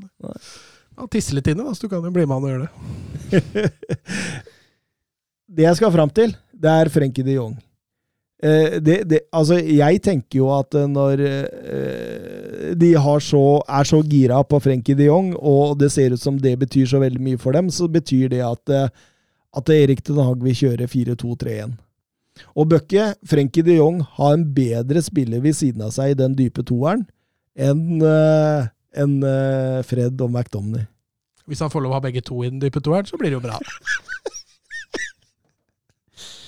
En dyp treer der, altså. Ja, men, men, men, men skjønner du hvor Ja, jeg, jeg vil? jeg skjønner veldig godt hvor du vil, Eh, og jeg, jeg er jo enig. Altså, det er jo Det er jo egentlig to spillere som United bør få inn der. Hvis man vil ha en 4-2-3-1, bør man jo få Ja, ja, jeg skjønner. hva Man bør jo ha, man bør jo ha en som, eh, som har litt, eh, litt defensive kvaliteter, og en som har litt offensive. og Ja, for jeg, jeg ser ikke Fred og McTominay, en av de to, som gode nok til å balansere den midtbanen Nei. med eh, Frenkie de Jong. Nei, det er jeg helt enig i. Og så er de faktisk litt like, da, hvis jeg kan si det på den måten. Eh, begge to liker jo å vandre litt også. Det er ikke den sittende midtbanespilleren. Eh, så. men, men samtidig, da, hvis du skal legge lista på Frenkie de Jong, da, så må jo United hente ti mann. Ja. Ja, men samtidig altså, Du, kan, du må jo begynne et sted, på en måte. ja. Men samtidig, altså, jeg tenker jo en, eh, en Calvin Phillips kunne ha spilt en uh, fin rolle i United, for eksempel. For eksempel. For eksempel. Um, det, det er jo så, det blir spennende å se, da. Det er som du sier, Mats. eh, Et sted må Erik Ten Hag begynne, og han begynner vel der, men altså, det, det, det skriker jo på den høyre sida òg. Skriker på nierplassen, syns jeg. Nå ser det ut som Ronaldo skal få den. Det er jo som å skyte seg sjøl i foten, tenker jeg. Men I hvert fall i det høye presset. Ja, og det i det hele tatt i Ten, Hag, eh, i Ten Hags eh, system. Det kan ikke var det Ragnhild brant seg på Ja. litt òg, så hvis Ten Hag går i samme fella, så mm, det blir veldig, veldig spennende å se. Men ja, jeg ville vært litt bekymra hvis jeg var Manchester United-supporter. Men jeg er litt bekymra sjøl òg, for nå ser det ut som Frenkie de Jong blir landa, og da sitter jo jeg med skoa og ketsjup og løk, var det vel. Det er en dårlig Nei. kombo, altså. Løk hadde jeg droppa. Men hvordan tenker du å gjøre det? Skal du dele Du må jo dele den opp, du vet den ikke hel. Ja, Kan gjøre det her i studio. Det, sy- Nei, men det må jo filmes, da. Ja, ja, men Ja. Da, da, da gjør vi det her i studio. Så- Tar jeg med meg en gammel fotball... Det står av type Fotball? Nei. Det står av type fotballsko. Gjøre det? Å, Ja. fy flate! Det er jo skinn og ei oss. Jeg, jeg har en gammel en hjemme òg. Må, koke, må kokes godt først. godt, altså. Så får du, de, mener jeg, så får du dele den opp i mange biter og putte den inn i noe godt. Noen ganger så tenker jeg hvorfor kan ikke jeg holde kjeften min? det, det, er det jeg tenker. Eh, Bernt Olav Gjellegjerde Hansen, nye PSG, skriver han bare ja, fordi vi er jo i ferd med å se et retningsskifte i Paris Saint-Germain. Eller Kelaifi der, som Han er jo ute og sier det at eh, ja, altså Ordrett veit jeg ikke, men altså satse yngre, mer fransk, og vi skal ikke bruke penga som ga fulle sjømenn lenger. Veldig, veldig spennende. Hva, hva tenker dere om nye PSG? Jeg tenker jo at den gamle PSG-veien har jo feilslått på en ganske imponerende måte. Og jeg tenker jo at det er riktig vei å gå. Og masse seriegull, da. Ja, men det er jo ikke det man vil ha. Med tanke på målsettinga som har satt seg, er det feilslått. Ja, Med tanke på Champions League. Det var en Det, sol... det har jo ikke City vunnet heller. Nei, men det var en City har jo vært en suksess. Ja, det syns jeg. Men PSG har ikke vært nære engang. Men PSG har jo ikke vunnet Premier League ennå. Når de vinner, Kanskje, kanskje gjør det. det når de vinner. Premier League, da kan, vi, da kan vi si at det har vært suksess. Men det å vinne Premier League, da, det er jo litt, litt tøffere enn Ligue Ø, eller? Ja, Marseille er bra, da. Ja, Marseille er bra. Ja. Ikke nå lenger, da. Men Ikke nå under. Sampaoli dro, så er den røyk. Men, Men, nei, men, jeg er helt enig. PSG har de, de var, og Det har vi snakka om i våres, at det bør være en retningsforandring her. Og, og drive og hente alle disse stjernespillerne. Det, det har vist seg at det gir ikke Champions League-titler, så de må, de må ha en liten retningsforandring. Mm. Fått inn eh, Luis Campos, og nå blir han vel klar neste uke, godeste Galtier. Og da, da har man jo fått suksess Altså duoen fra Lill. Det, og, og, og egentlig en sportsdirektør og en trener som samarbeider. Nå har eh, Paris Saint-Germain lenge hatt Leonardo som sportsdirektør, som ikke har samarbeida med noen. Så, så, så, så det er jo ting som skjer her. Man ønsker å satse mer på lokale talenter. Man bruker altså Nå, nå ser jeg Vitinha ble klar fra Porto her for en helt ok sum. Og så ser man også ryktet Neymar svirrer rundt, at det er på vei bort. Ja, Louis Campos vil ikke ha han. Nei, nettopp. Og det ser jeg jo på som, eh, som en, en viktig del når du skal bygge noe fra bunnen av. For du kan ikke ha Messi, Neymar og Mbappe. Det går ikke. Nei, så det blir, det, blir spennende å se dette nye PSG, hvordan det, det, det slår ut. Og, og Louis Campos han er ikke dum, han. altså, så det mm, Jeg tror han kan trylle litt uh, der. Ser Renato Sanchez er også linka nå. Hva tenker vi, vi om det? Jeg tenker jo det at de trenger en midtbanespiller til. Eh, Danilo holder ikke mål, og de trenger en, en god en ved siden av seg. Så en Renato Sanchez i den formen han har vært i nå, er en god signering. Så tenker jeg stakkars Lill, altså. Den mista så mye keeper, trenere og sånt etter ligagull, og nå bare fortsetter det Båtmann ut, eh, Sanchez ut. eh, Altså, det Det er dessverre litt sånn som det går når en vinnerklubb vinner ligaen. Det ja, det som det, skjer. du, du bør helst altså, så Det du sier egentlig nå, da, det er at Lillestrøm bør ikke vinne ligaen. Ja, nei, det, eh, det er når du ser hva som Hadde PSG spilt i Eliteserien, så hadde ikke Lillestrøm behøvd å vinne ligaen. Nei, det er helt riktig.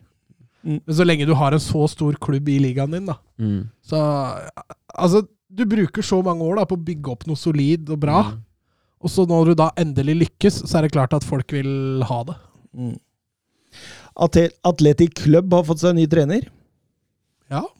Hva tenker du om godeste Valverde? Du kjenner han jo godt fra Barcelona. Ja, han prøver seg igjen. Jeg så det var lenge linka til eh, Bielsa. Eh, Litt kjipt at den ikke eh, gikk, for det hadde jo vært dritfett å få han tilbake igjen. Men trenere bør ikke være baskere, altså. Nei, nei, nei, nei, nei. Det behøver de ikke. Bielsa ja, Pochettino var litt linka. Ja, Bielsa var jo i Bilbao til, for et par år siden, og, og det var jo ordentlig gøy. Det var jo med Jorente og Herrera og den gjengen der. Det blei jo krutt, det. De kom jo langt i Europa, husker jeg. Så det var litt synd. Valverde er en litt mer traust type. Eh, men men eh, dømt til å bli bra. Mm. Kommer til å være utvilsomt topp ti. Så får vi se hvor langt eh, høyt oppe det blir. Spennende, spennende. Det er også klart at Paolo Maldini fortsetter som klubbdirektør i AC Milan. Eh, Kan jo være starten på Milans spillekjøp, dette. Det har vært litt stille derfra etter at denne takeoveren ikke gikk igjennom, og, og, og Maldini har vært litt sånn eh, Sittet på gjerdet og venta litt, men nå har han endelig skrevet ny avtale, og, og eh, Origi da blir vel første inn. Eh, Tror, de, tror vi liksom på en måte Milan kan forsvare noe denne sesongen, eller Type Inter? Divock, eller? Ja, type Divock. Ikke Arnold. Nei, det Nei, altså det, det å forsvare et uh, forholdsvis uventa seriegull, blir jo vanskelig. Uh, men eh, Milan bør jo absolutt ha berettigede ambisjoner til å sikte seg inn på en ny uh, topp fire, eventuelt medaljeplass, tenker jeg. Hva er det Milan trenger, da? Altså, jeg Ny nier? Ja, ny nier. Slatan Zlatan eh, er vel fristilt nå, så han er vel up for grabs. Eh, de har vist seg at de har en klasse venstrebekk. Stoppeparet har fungert veldig bra. Høyrebekken er bra. Keeperen har jo vært verdensklasse. Eh, Kessier forsvinner jo, antageligvis. Mest sannsynlig. Jeg vet ikke om han får spille der han kommer, men eh, vi får se. Eh, Så at en, en ved siden av Sandro Tonali er jo viktig. Og så får vi se. De har rullert veldig den trioen bak spissen.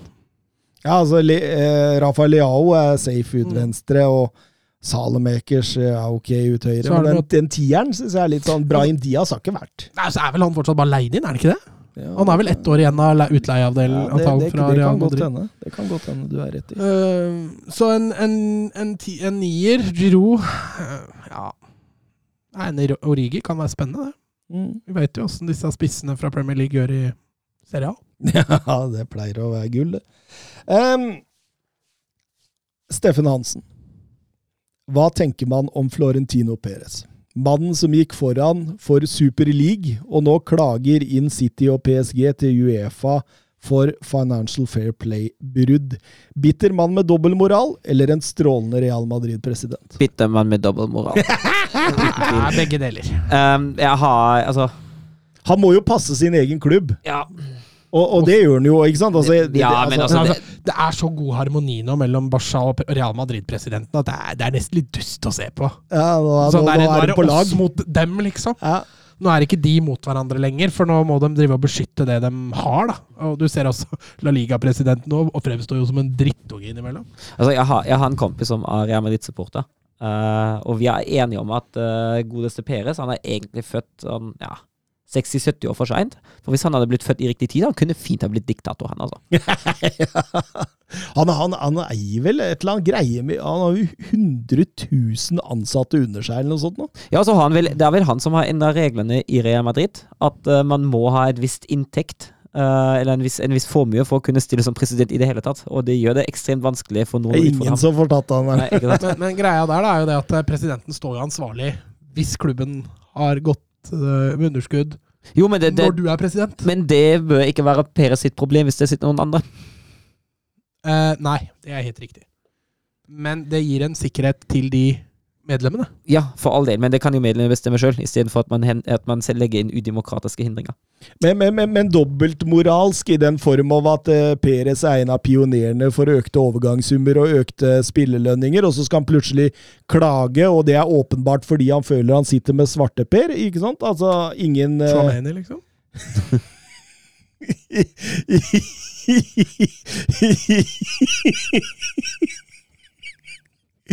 Ingen Ingen Mbappe og Haaland. Nå er det nok så mye da.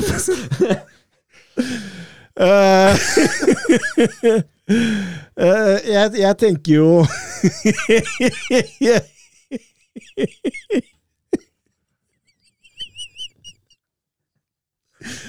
jeg, jeg, jeg tenker jo at uh, uh, Gutta, jeg, jeg tenker jo at det Å, sorry. det bare glapp ut. Jeg kunne ikke noe for det. Det er Vladimir. Det er Vladimir. Sånn er det når du sitter med Vladimir her. Jeg, jeg, jeg tenker jo at det for, for alle så vil det virke ekstremt dobbeltmoralsk. Fordi eh, og, men, men samtidig Ja, jeg er enig med Mats. Eh, både og. Fordi han må jo altså Merka du Daniel Levi når Newcastle ble kjøpt opp? Han var jo rasende, ikke sant? for han får en ny konkurrent i den topp fire-rollen. Han må passe sin klubb. Derfor prøver han å gjøre alt han kan for at Newcastle ikke skal få det oppkjøpet. Og det samme driver jo Florentino Perez med. Han vil vinne Champions League. Eller egentlig så vil han vinne Super League, men han vil vinne Champions League. Og da må han jo passe sin egen klubb. Ja, det var det jeg mente med begge deler. At Mm. han, han Og hvis det er sånn at de veit at de bryter FFP, så, så må man jo rapportere det inn. Men det er klart, når du gjør det i full offentlighet, så fremstår du litt sutrete, da. Når Ja. du sjøl har vært bidragsyter til å skyte dette i været. Helt klart. Um, Jens Olav Strand, hvor hardt bør Barcelona tuppe Dembélé ut porten nå? sier han. Eh, ganske hardt. Altså, eh, Dembélé er jo en spiller jeg gjerne skulle sett blomstra i Barcelona, men det som er litt digg å se, er at eh, han nå finner ut at det er ikke så lett å finne en ny klubb hvor han blir like godt betalt, da. PSG har jo stilna, eh, Chelsea har stilna. eh, United har stilna. Altså, de Han satt med sikkert gode kort på hånda i januar når de skulle forhandle en ny kontrakt. Ja, ja. Nå sitter han plutselig med dårlige kort, og Barcelona har i hvert fall ifølge ryktene gått tilbake på det originale tilbudet han fikk i januar, da, som var det dårligste. Mm. Og da sitter han jo nå, da, og er eh, sikkert litt i villrede på hva han skal gjøre. Altså, jeg er ikke i tvil om at Dembélé finner seg en bra klubb og får en bra lønn, men om det er i Barcelona Jeg er litt sånn blanda, for hvis Barca får tak i Rafinha, da, så kan Dembélé finne seg en annen klubb. Han var en kødd i Dortmund. Han har vært en kødd i Barcelona. Det, Skadeforfulgt, da. ja, det, det har gått nedenom og hjem med dette. Var han ikke verdens dyreste spiller en periode? Nei. Han var Jo, var han det en kort periode før de kjøpte Coutinho i vindu, vintervinduet etterpå, eller hva det var for noe? Jeg lurer på det. Litt usikker, men, eh, men det er åpenbart at han eh, ikke har verdens beste, beste agent. Ja, Er ikke, Altså, agent, er ikke agenten til Choupo-Moting? det kan det ikke være, for å si det sånn. For han får mange dårlige råd derfra, det vil jeg åpenbart tro. Eh, Kanskje vi- samme agenten som Moriba? Ja, kanskje det. For vi, vi, hvis han vil spille fotball, så bør han jo bare skrive under på denne kontrakten ASAP Zulu. Eh, Nisselue på hva driver Barcelona med? De er visstnok enige med både Christensen og Kessie, får ikke registrert dem før de får solgt spillere. Samtidig ligger de langflate etter Lewandowski og Rafinha, og det, og det går også rykter om Bernardo Silva, Alonso, Aspilicueta og resignere Dembélé. Her er det voldsomt mye inn, og så er det veldig lite ut, Mats. Ja, nei, de leier jo ut Lenglena, da. De må jo bidra litt, tenker jeg. Altså Nei, men dette har vi snakka om før. Altså, det, jeg, jeg skjønner ikke hva de tenker, og hvordan de skal få til dette. De får jo ikke registrert spillere. Nå har de solgt deler av TV-avtalen de neste 25 åra for en haug med penger. Eh, skal visstnok da hjelpe på en del, men, men de er nødt til å kvitte seg med spillere, for de har et lønnstak de bare må forholde seg til. Så for å få registrert Lewandowski, Rafinha, Christensen, Kessier, da, så, så må spillere ut.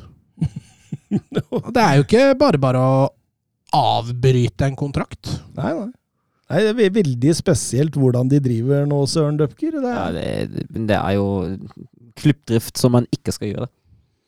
Virker som det ikke er noe mål og mening bak det heller. Altså Lewandowski og Rafinha hadde utvilsomt gått inn og forsterka det. Eh, men Lewandowski har jo gått ut hardt nå mot Bayern. Ja. Og hvis Barca ikke får til dette her, da Mm. Bayern vil ha 50 millioner hvis de ender opp med å betale det for Lewandowski. Ja. Men de, er det én klubb akkurat nå som kan ende opp med å betale 50 millioner for en eh, 33-34 år gammel spiss, så er det jo Barcelona. Ja, ja. ja, ja. Og ja, jeg blir ikke overraska. Men uh, Eller kan og kan Tenk det, da har de egentlig nesten bytta Frenkie de Jong med Lewandowski. Det er helt sykt. ja, for den summen så jeg er 65. Ja, ja 65 til 75, det er vel det som har blitt diskutert her. Men nå er det ånds greie at man ikke henter inn spiller som har høyere gjensalgsverdi i så fall. Nei, det er veldig, veldig rart, det som skjer der. Eh, Magnus Reinsby. Har vi hørt noe mer om hva som skjer med Leo Østegård og Mathias Nordmann? Altså, Østegård, han eh, Napoli vil jo låne han med en opsjon. Eh, Brighton vil selge. Eh, denne delayen har gjort at Torino også er inne i, i, i bildet nå, så det er fortsatt litt åpent, etter hva jeg forstår. Eh, Nordmann han er jo tilbake i Rostov, og i og med situasjonen der, så er det vel eh, naturlig å tenke at det skjer noe. Eh, enten så tar han vel en sånn Magnus Knutsen, da, hvor det blir et år utlån igjen. Ja, eller så tar han et, eh, en Botheim og sliter med å få seg klubb. Jeg veit ikke åssen de reglene er rundt det der. det Botheim-greiene skjønte jeg, for der er det vanskelig for klubben å ta tak i det. Fordi Botheim har jo avbrytet kontrakta si. Ja, Som og det, det, det står jo at det er mulig å gjøre. Jo, men det var Der kan øh, Krasnodar kan kreve overgangssum for han seinere. Mm. Og derfor er det nye klubber har ikke så lyst til å ta i det der, da. Nei.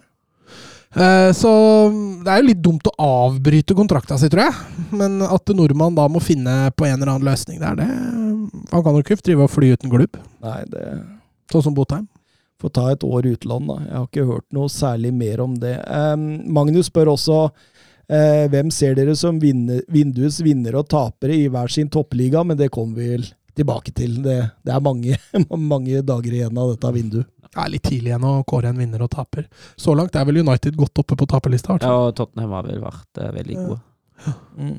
Mm. Benjamin Norway, tror dere Sanjolo bytter klubb? Nei.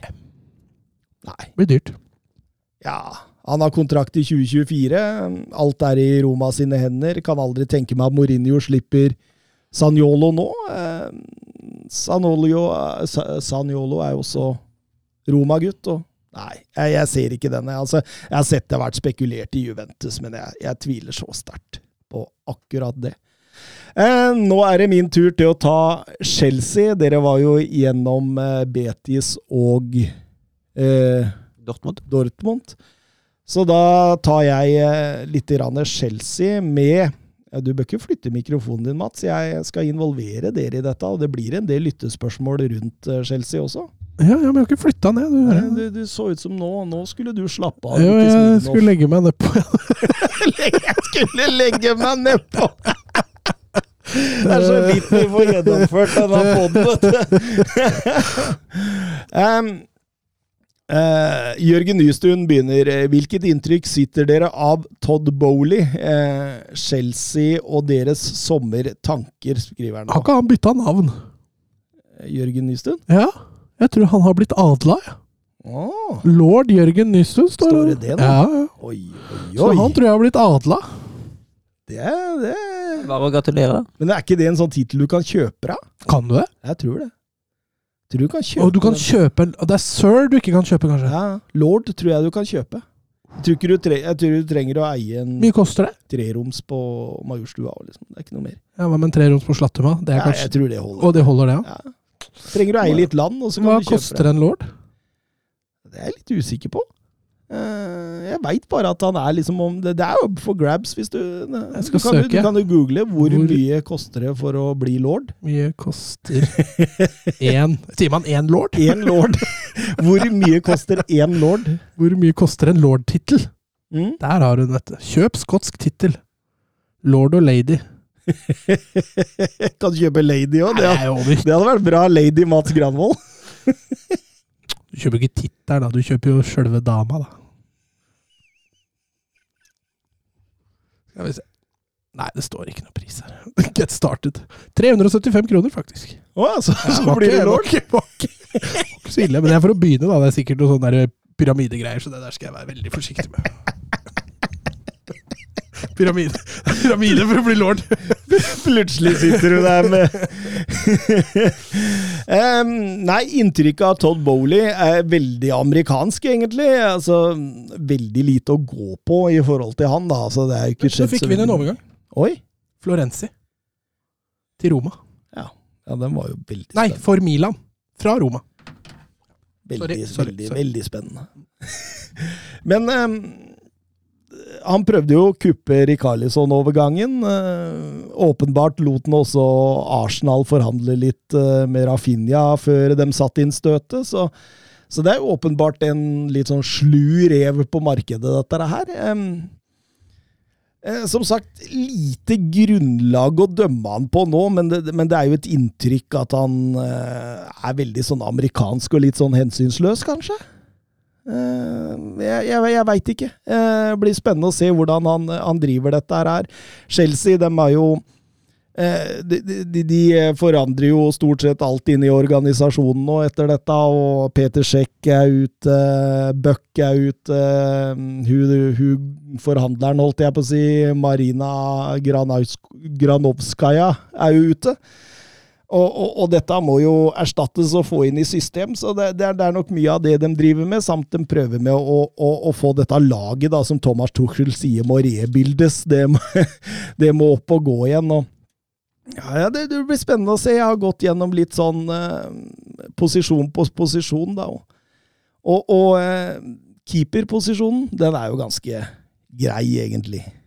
Ja, men de har vel motbevist meg også greit. Eh, han har hatt en god sesong, selv om det blei ble en tabbe til slutt, så har han jo vært relativt solid. Han har det. Eh, det, jeg, jeg ser at det er litt snakk om Strakosa og, og Gabriel Slonina, en 18-åring fra Chicago Fire, for å på en måte bygge opp om framtida der. Strakosha hvis Kepa forlater. Men, men, men ellers ser dette greit ut. Det er jo eh, ved neste ledd stopper Mm. Det er der eh, problemene ligger. Nå står det med en eh, snart 38 år gammel Tiago Silva. En, eh, en Shaloba på 22 og Colville på 19, samt Malang Sarr. Og så kan de jo bruke Aspille Cueta der, men det er jo ikke sikkert at han er der neste sesong. Så, så, så, så stopper hun. Her må det noe inn. og og, og, og, og lord Nystuen han spør også hodet på blokka hvilke to-tre stoppere ender opp i, i, i Chelsea til slutt. Ha, har dere noe formening om det? Kolibali. Koulibaly. Jeg så bare de som var rykta. Kondé og Delict, så jeg var rykta i hvert fall. Mm. Mm. Var det ikke Koulibaly rykta nå? Jo, også Nathan Ake fra, fra Manchester City. Det sies at Thomas Tuchel er voldsom fan. Ja, men Kondé var jo ganske nær allerede i, i fjor. Det blir veldig spennende å se i hvert fall eh, hvem som kommer inn der, men at det kommer inn et par spillere, det er jeg helt sikker på. Eh, det har spekulert, som dere sier, de likt, de likt. Der var en, en, en Juventus-direktør ute nå som sa at eh, Eller antyda at de likt ville bort. Og at eh, det kunne bli Chelsea. Så, så vi får se hvordan det, det skjer. Men, men en to-tre må inn der. Det er utvilsomt eh, Altså, det, det, det kan ikke være noe av. Altså, Sjelden man går gjennom et lag, og du ser så klare mangler som på stoppeplass i Chelsea akkurat nå. Um, Høyrebekk syns jeg ser grei ut. Reece James har en Dujon Sterling som backup, og, og en Aspilu Kuelta hvis han tar et år til, så det er jo helt fair. Eh, Venstrebekken eh, har nok Ben Shilwell. Eh, skadeplaga i, i sist sesong, men skal vel være tilbake igjen nå hvem han får med seg som en, en backup. Alonso er jo fortsatt ikke Barcelona-klar. Nei, jeg, har jo lov å krysse fingra at han er med som backup. Hvis ikke så, så har jeg sett på U19-EM da, og Harvey Whale, som er en venstrekant på, på, på Chelsea, syns jeg ser voldsomt god ut. En sånn toveis som fint kan bli en, en venstre wingback i, i Chelsea-systemet, slik jeg ser det i hvert fall. Så, så får vi se hvordan det går der. Eh, Midtbanen også. Jeg syns det trengs noe der òg. En Jorginho som jeg syns sliter mer og mer med tempo i Premier League. En Kanté som blir mer og mer skada. Eh, jeg stoler ikke på Loftus Cheek, så da, da sitter man igjen med Mateo Kovacic, da, som ja, Det er ikke all that, det heller. Så her ville jeg gått inn og forsterka. Eh, så er det jo hva, liksom Jeg, jeg skjønner ikke hvorfor de er med på, ikke er med på Manchester United-dansen om Frenkie de Jong. Jeg fatter ikke, faktisk. Hva tenker dere om det? Burde han ikke vært der? Jo, han er jo Han, er jo, han fungerer jo sikkert også glimrende i en eh, ja, 3-4-3-ish, da. Ja, jeg tror Han det. er jo veldig toveis, da. Ja, så, så, så lenge han får Kanté med seg på den uh, midtbanen, så tror jeg det ville blitt strålende. Jeg fatter ikke hvorfor ikke Chelsea har blitt med inn der. Eh, utover det, en Declan Rice, men eh, han ser jo veldig usannsynlig ut nå. Ja, til og med lansert Sander Berge. Hva hadde dere tenkt om det? Sander Berge på den sentrale midten? Åh, det, det, jeg føler at Chelsea kanskje er noe for stort for ham. Altså. Tror du det? Ja, han, altså, han er jo god, men han er ikke Premier League topp fire god enda. Og greier, da. Du kan sette ganske mange ved siden av Kanté, og det hadde sett bra ut. Ja. Altså, han hadde jo fått meg til å se ut som jeg løp en del, liksom. Eh, jeg hadde Bizuma her også, men det var fordi jeg gjorde denne analysen før han gikk til Tottenham. Kan, kunne jo sett for at ja, det kunne vært et, et godt valg her. Men det må ha inn noe sentralt, og det syns jeg helt klart. Jeg ville sendt Jorginho ut. Jeg syns han sliter mer og mer med dette tempoet. Eh, Den offensive midtbanen, eller de to rundt eh, eller bak nieren, eh, Mason Mount, selvskreven Ellers så er det veldig mye usikkerhet der også. Og det er også grunnen til at Tuchel henger seg på med linker rundt Raheem Sterling, Dembélé og Rafinha. Christian Pulisic ønsker et møte med Thomas Tuchel nå for å se hva er hans rolle i framtida her. Eh, Ziyech kan ende på lån i AC Milan. Eh, Havertz kan bli en falsk nier og dermed bli tatt ut av på en måte denne posisjonen. Eh, og da ser man igjen med en eh, skadeplaga Callum Hudson-Odoi og en eh, Conor Gallagher som er tilbake på lån. Eh, så, så jeg føler det trengs noe her òg. Gallagher har vært klasse, da.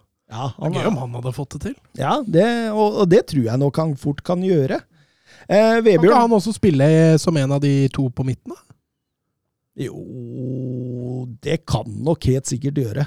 Det kan nok helt sikkert gjøre, men da må du ha en Kanté ved siden av. Altså. Du kan ikke ha en Kovacic. Nei, for de blir for like, det. Ja. Eh, Vebjørn Fredheim, hva skjer med Rafinha? Virker mest gira på Barcelona, men Barcelona ser ut til å ha 100 prosjekter og gjøremål før det kan være aktuelt. Kan han potensielt vente på seg en ny sesong på Ellen Road? Tror du Rafinha blir på Ellen Nei, jeg, tror ikke, jeg tror ikke han blir der. Jeg tror ikke det. Jeg tror han finner seg en ny klubb, Chelsea? for eksempel. Mm. Kan få bli det. Jeg så det var tatt bilde nå av Deko som hadde sjekka inn på Kamp nå. Det var vel i går eller foregårs? Men åssen skal de klare det? Nei, det Men det er sånne ting som gjør at jeg får håp, da. Altså, jeg koser meg litt med sånne ting, da, når du ser For alt jeg veit, så var Deko der for å spille en veldedighetskamp, men den fikk det jo til å høres ut som han var der for å forhandle om Rafinha. da. Mm. Men, men, men eh, og, og Christian Pulisic eh, det, det, det virker som at det ikke blir helt 100 her. Nei, og ja. Eh, Det er jo synd. Det er jo en spiller som kom med stort potensial og et stort løfte, og han har kanskje ikke innfridd helt. da. Mm.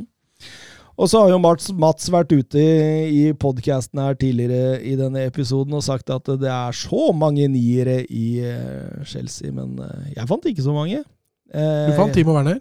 Jeg fant Timo Werner. Eh, fant du Syns ikke han er en utprega nier, men, eh, men jeg fant Timo Werner. Jeg fant Armando Broja, som er en 20 år gammel spiss som var på utlån til Southampton i fjor, og som eh, ja, kan være på vei til Westham, etter hva ryktene sier, og en Michi Bachuai som kommer tilbake Der fra har du klassespill. så, så det må jo Hvis han ikke tenker at Havertz kan gjøre den jobben, som en sånn falsk nier Ja, og det, det kan han jo definitivt, men jeg tenker jo at det er jo betryggende å kunne spille for, på flere strenger. mm. Uh, og jeg tenker jo at å få inn en ekte nier der, det hadde jo vært en uh, Men med fornuftig leding signering. òg, som er bra. Eh, Ja, fordi Haaland, Núñez, Vlaovic Det er jo mange som har forsvunnet nå. Jeg syns jo Tuchel-fotballen krever en klar nier òg. Altså, han hadde Aubameyang i Dortmund, han hadde Cavani og Icardis i, i PSG. Han hadde Lukaku, var det første han egentlig henta i sin første klare vindu for Chelsea. Men, samtidig har jo Havertz fungert bra som falsk nier nå. Han har spilt under Torre da. Mm.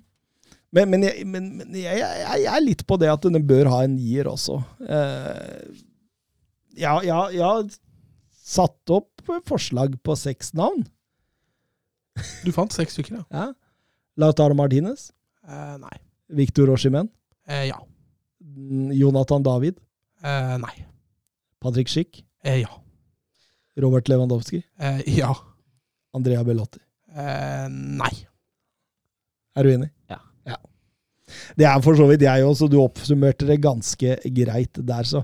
så det er mye som må gjøres i Chelsea, det er vel konklusjonen her. Mm. Geir Halvor Kleiva, hvor, hvilke tyskere kunne dere tenke dere å se i Premier League, og hvilken engelskmenn kunne dere tenke dere å se i Bundesliga? Altså den, den første tyskeren jeg kommer på som jeg kunne tenkt, fint tenkt meg å se i Premier League, selv om det er veldig synd for Bundesliga, er jo eh, Florian Wirtz. Å se ham eh, utfolde seg i en toppklubb i Premier League om to-tre år, det tror jeg blir, eh, blir helt fantastisk. Hvis Ja. du tenker sånne unge gutter, da, så er det jo vilt, som du nevner. Du har en uh, Slåttebekk som sikkert kunne vært spennende. Eh, er det feil å si Bino Gittens prøve seg i Premier League, eller? Nei da. Han er Ja, ikke men han er vel ikke noen tysker, så Så det fins jo mye, men eh, jeg, jeg vi har vel konkludert med at Bundesliga er Premier Leagues fødestue. Fødestue. Ja. Ja.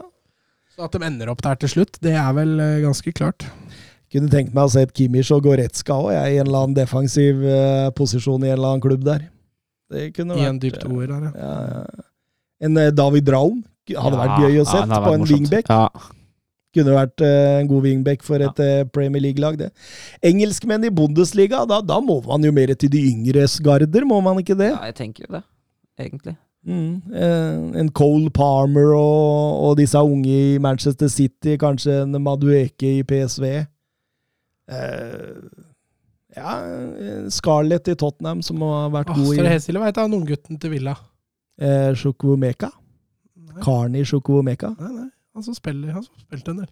Eh, Altså, Ramsey. Hæ? Ramsey, ja! Ja, Han i Dortmund eller Bayern.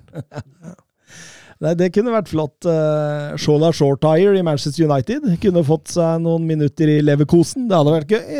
det, det er masse sånn, men ja, det kunne vært eh, mange artige eh, innslag der. Eh, Jørn Henland, har dere troa på at spillere som Dale Alli, Donny van de Beek og Marcus Rashford kan levere respektabelt igjen? Av de tre Av siste. Et, bare Rashford, ja. Av de tre egentlig kun Rashford. Men eller Van de Beek er litt usikkerhetsmoment med tanke på at han får nå eh, jeg tror jeg, jeg, tror, jeg tror ikke det heller. Jeg, jeg ser bare en liten sjanse at, uh, at Ten Hag klarer å trykke på de rette knappene der. Men ja, den virket jo ganske ferdig ennå. Og Ali virker jo Det, var det du som la ut det? Den spillersamtalen han hadde med Mourinho under den serien med Amazon? Nei, jeg tror ikke det. Men jeg har For den jo spillersamtalen Ali hadde med Mourinho, den syns jeg oppsummerer han glimrende. Var det når han ble kalt lat, eller? Ja, Ja. at du må bare Altså, det var hyggelig tone, og han var ikke Mm. kinna på den, liksom, men Og jeg kan tenke meg sånn er Ali hele veien. Og hvis han først tar en sånn 'nå skal jeg skjerpe meg', booste seg et par måneder, så er han plutselig inne på laget litt, grann, og så setter han seg bakpå igjen og roler seg. Og da er han ferdig, da er han ute igjen. Ja, jeg, jeg jeg tror tror han flyter veldig på talent, og veldig lite treningsiver. Og så er han veldig glad i litt fame og glamour og litt kjendisvenner og, og drinker og ja, jeg tror Drikker, det. vin og sang, ja. ja. Ja, ja. Hvis jeg drar en annen inn her, da. eh, Tangai Ndombele. Har ikke han f ikke vært særlig bra i Lyon heller? Nei, han var dårlig i Lyon. Ja, Eh, I hvert fall utover. Ja. Han starta bra. Ja, ikke men- sant? Men nå, nå florerer det av treningsvideoer om han her, med, med ganske beinhard egentrening på sosiale medier. Var det en låneavtale, eller er han i Lyon fast? Nei da, det var en låneavtale. Han er tilbake til konta. Og Tottenham krever 50, så det Det kommer, altså, det, det kommer ikke til å skje heller. Han kommer ikke til å få 50 for den. Det er jo helt hinsides. Og Le Levi bør jo bare selge den for en fornuftig pris så lenge han kan. Fordi Hvor eh, kjøpte de den for? Hæ? Mye var det han ble kjøpt for? 65 av Lyon. Men tenk om han kommer i kanonform, da! Mm. men det er, det er ingenting som tyder på det. Ja, Men potensialet der er jo der. Ja, men, men altså, Det har han jo ikke vist på f flere år, nesten. altså. Han har hatt to gode kamper i Ja, Lyon. han, han, han har jo vist gode kamper, men, men at det, det er jo ikke noe stabilitet bak det, og det er jo mye sånn surr, egentlig, sånn utenomsportslig òg. Ja, og, sånn det, og det vet vi jo alle hvor glad Conte er. Ja, jeg ser ikke for meg at en Dombele er liksom er Conte Ja, jeg, jeg, jeg kan ikke Nei, jeg så tar du med Winks òg, da. Begynner å få mye sentrale nå, Tottenham. Ja, ja. ja men Winks er på vei ut. Everton. Skip og Winks og Ndombele og Bizuma og Høibjerg og Benazer og det Benazer. Bentancur og Benazer. ja. Benazer og Bentancur. Ja, ja. Nei, det blir spennende å se, men uh, ja. Nei, jeg er vel Rashford, ja. Nå må de begynne å bruke den riktig. Det er lenge siden Rashford har blitt brukt riktig. Og det er Venstre kant. ja, Sancho på høyre, da. Venstre innover kant. Så Sancho slo igjennom i Dortmund som høyrekant. Ja, han gjorde vel det. Ja, Men han er ganske fleksibel. Mm. Jo, jo, men da bør han jo klare å håndtere det United òg, mener jeg. Jo, jo. Dagens siste lytterspørsmål kommer fra Oskar Carveio Holm. Hvilken konklusjoner trekker Thomas, eventuelt dere andre, over sommerens U19-mesterskap? Vil du si hvordan det har gått i finalen? Det kan godt Vi har vel kommet uh, sånn at den er ferdig nå, kanskje? Eller går det til ekstraomganger? Jeg veit ikke. Det er helt riktig. Ja, Det blei 1-1 etter uh, ordinær tid, så nå har de kommet eh, 105 minutter ut i ekstragangen. Hvem skårte det engelske målet? Eh, en engelskmann ved navn eh, eh, Callum Doyle. Callum Doyle. Eh, konklusjoner. Det er at eh, Frankrike og England eh, er i særklasse når det kommer til talentarbeid og, og, og det Altså, jeg tror de kunne stilt to-tre like gode landslag i dette UE19-EM, altså. Det er, det er, er og, Men, men hvordan er kvalikrunden dit? For jeg ser det er med mye sånne ra, ikke rare, feil å si, men det er med mye sånne Kall det B-nasjoner, da, i fotballøyemed. Jeg har kanskje skjønt at Israel er kanskje host-nasjonen? eh, jeg har ikke helt fått med meg hvor det er. For Altså Slovakia, Romania, Israel, Østerrike og Serbia Mm, er lagene som da konkurrerer mot England, Italia og Frankrike. mm. Det vil da si det er mange i gåseøyne A-nasjoner her som ikke er med. Regjerende mester Spania var ikke med. Nei, altså Nederland, Portugal, Tyskland. Tyskland Altså det er Belgia. mange Belgia. Ja, det, er, det, det skjer jo gjennom en kvalik, så jeg, må jeg så ærlig innrømme at eh, når denne kvaliken skjer, så er jeg opptatt med mye annen fotball. Så jeg, Ja, jeg tror også de spiller litt sånn på formiddagen eh, på ukedag og sånn. Så, eller ettermiddagen, så ja. ja. Men, men konklusjonen, som sagt, at England og Frankrike har bøttevis av talenter. At, at Frankrike ikke kommer til finale her, det er helt utrolig. De vant Altså, de, de burde vinne i den kampen ni av ti ganger. Eh, finalen, som sagt eh, England møter Israel. Det møttes også i gruppespillet. Den kampen så jeg. England vant 1-0 med et ganske reserveprega lag, da de allerede hadde vunnet gruppa si. Eh, så jeg trodde England skulle ta det ganske greit, med at det går til ekstraomganger nå, det sier vel litt om Israel og den, på en måte, den defensive strukturen de har fått inn i laget. Og så skal det sies at de slo jo Frankrike mye på overganger og på dødballer og, og det greiene der. Og det, det, det, er ikke uten grunn at jeg eh, meldte at det var litt Hellas over dette her, men eh, Nei da, det, det, blir spennende å se. Kanskje vi rekker straffesparkkonkurransen mens vi mens vi eh, redigerer dette her. Da var vi igjennom. Ja. Kan ikke du opplyse alle hvor du har sett på U19-EM? Eh, ja, bare stream. men det går, altså, hvis, du, hvis du går på uefa.com, vises de kampene på Uefa TV. Og det er gratis? Det er gratis. Og de viser også nå Er det, er det damenes U19-EM eh, også? Mm. Den går på NRK. Den, går på NRK, den. Ja, men det går også på Uefa. Jeg har, jeg har lasta ned også appen på telefonen med Uefa TV, eller uefa.com, ja. og da kan jeg se opp. Det er mye, mye, fotball som går. Jeg ser eh, denne kampen med jente 16 jeg var på i dag, den var på direktesport. Så det går an å se denne miniturneringen. Altså, jeg tror det er et nordisk så, mesterskap. Ja. Satt du da på Strømmen stadion og samtidig satt og prøvde å se om du så deg sjøl på direktesport? Var det det du Nei. Nei ok. det gjorde jeg ikke, men jeg, jeg, det var et par situasjoner jeg ble Fordi direktesport ligger en to-tre minutter etter. Ja. Så det var et par situasjoner jeg tenkte fanken, den må jeg se på nytt. Og da gikk jeg inn på direktesport og så det. Ja, smart, smart. Eh, ja, eh, vi tar vel en bitte liten ferie nå. Eh, Søren en flytteferie. Jeg drar av gårde til Sunnmøre, og Mats han sitter her og drikker Smirnov. I to uker. Nei, det skal jeg ikke Men eh, det er vel ikke så lenge til vi møtes igjen, regner jeg med? Nei, det blir nok snart. Ja. Så eh, får vi jo bare ønske alle våre lyttere en riktig god sommer videre. Riktig god sommer, ja. God sommer. Nå, Mats, nå får du lov å drikke litt mer. Takk. Messi. Surging forward with real menace here. Brilliant from Messi. Oh, what a goal!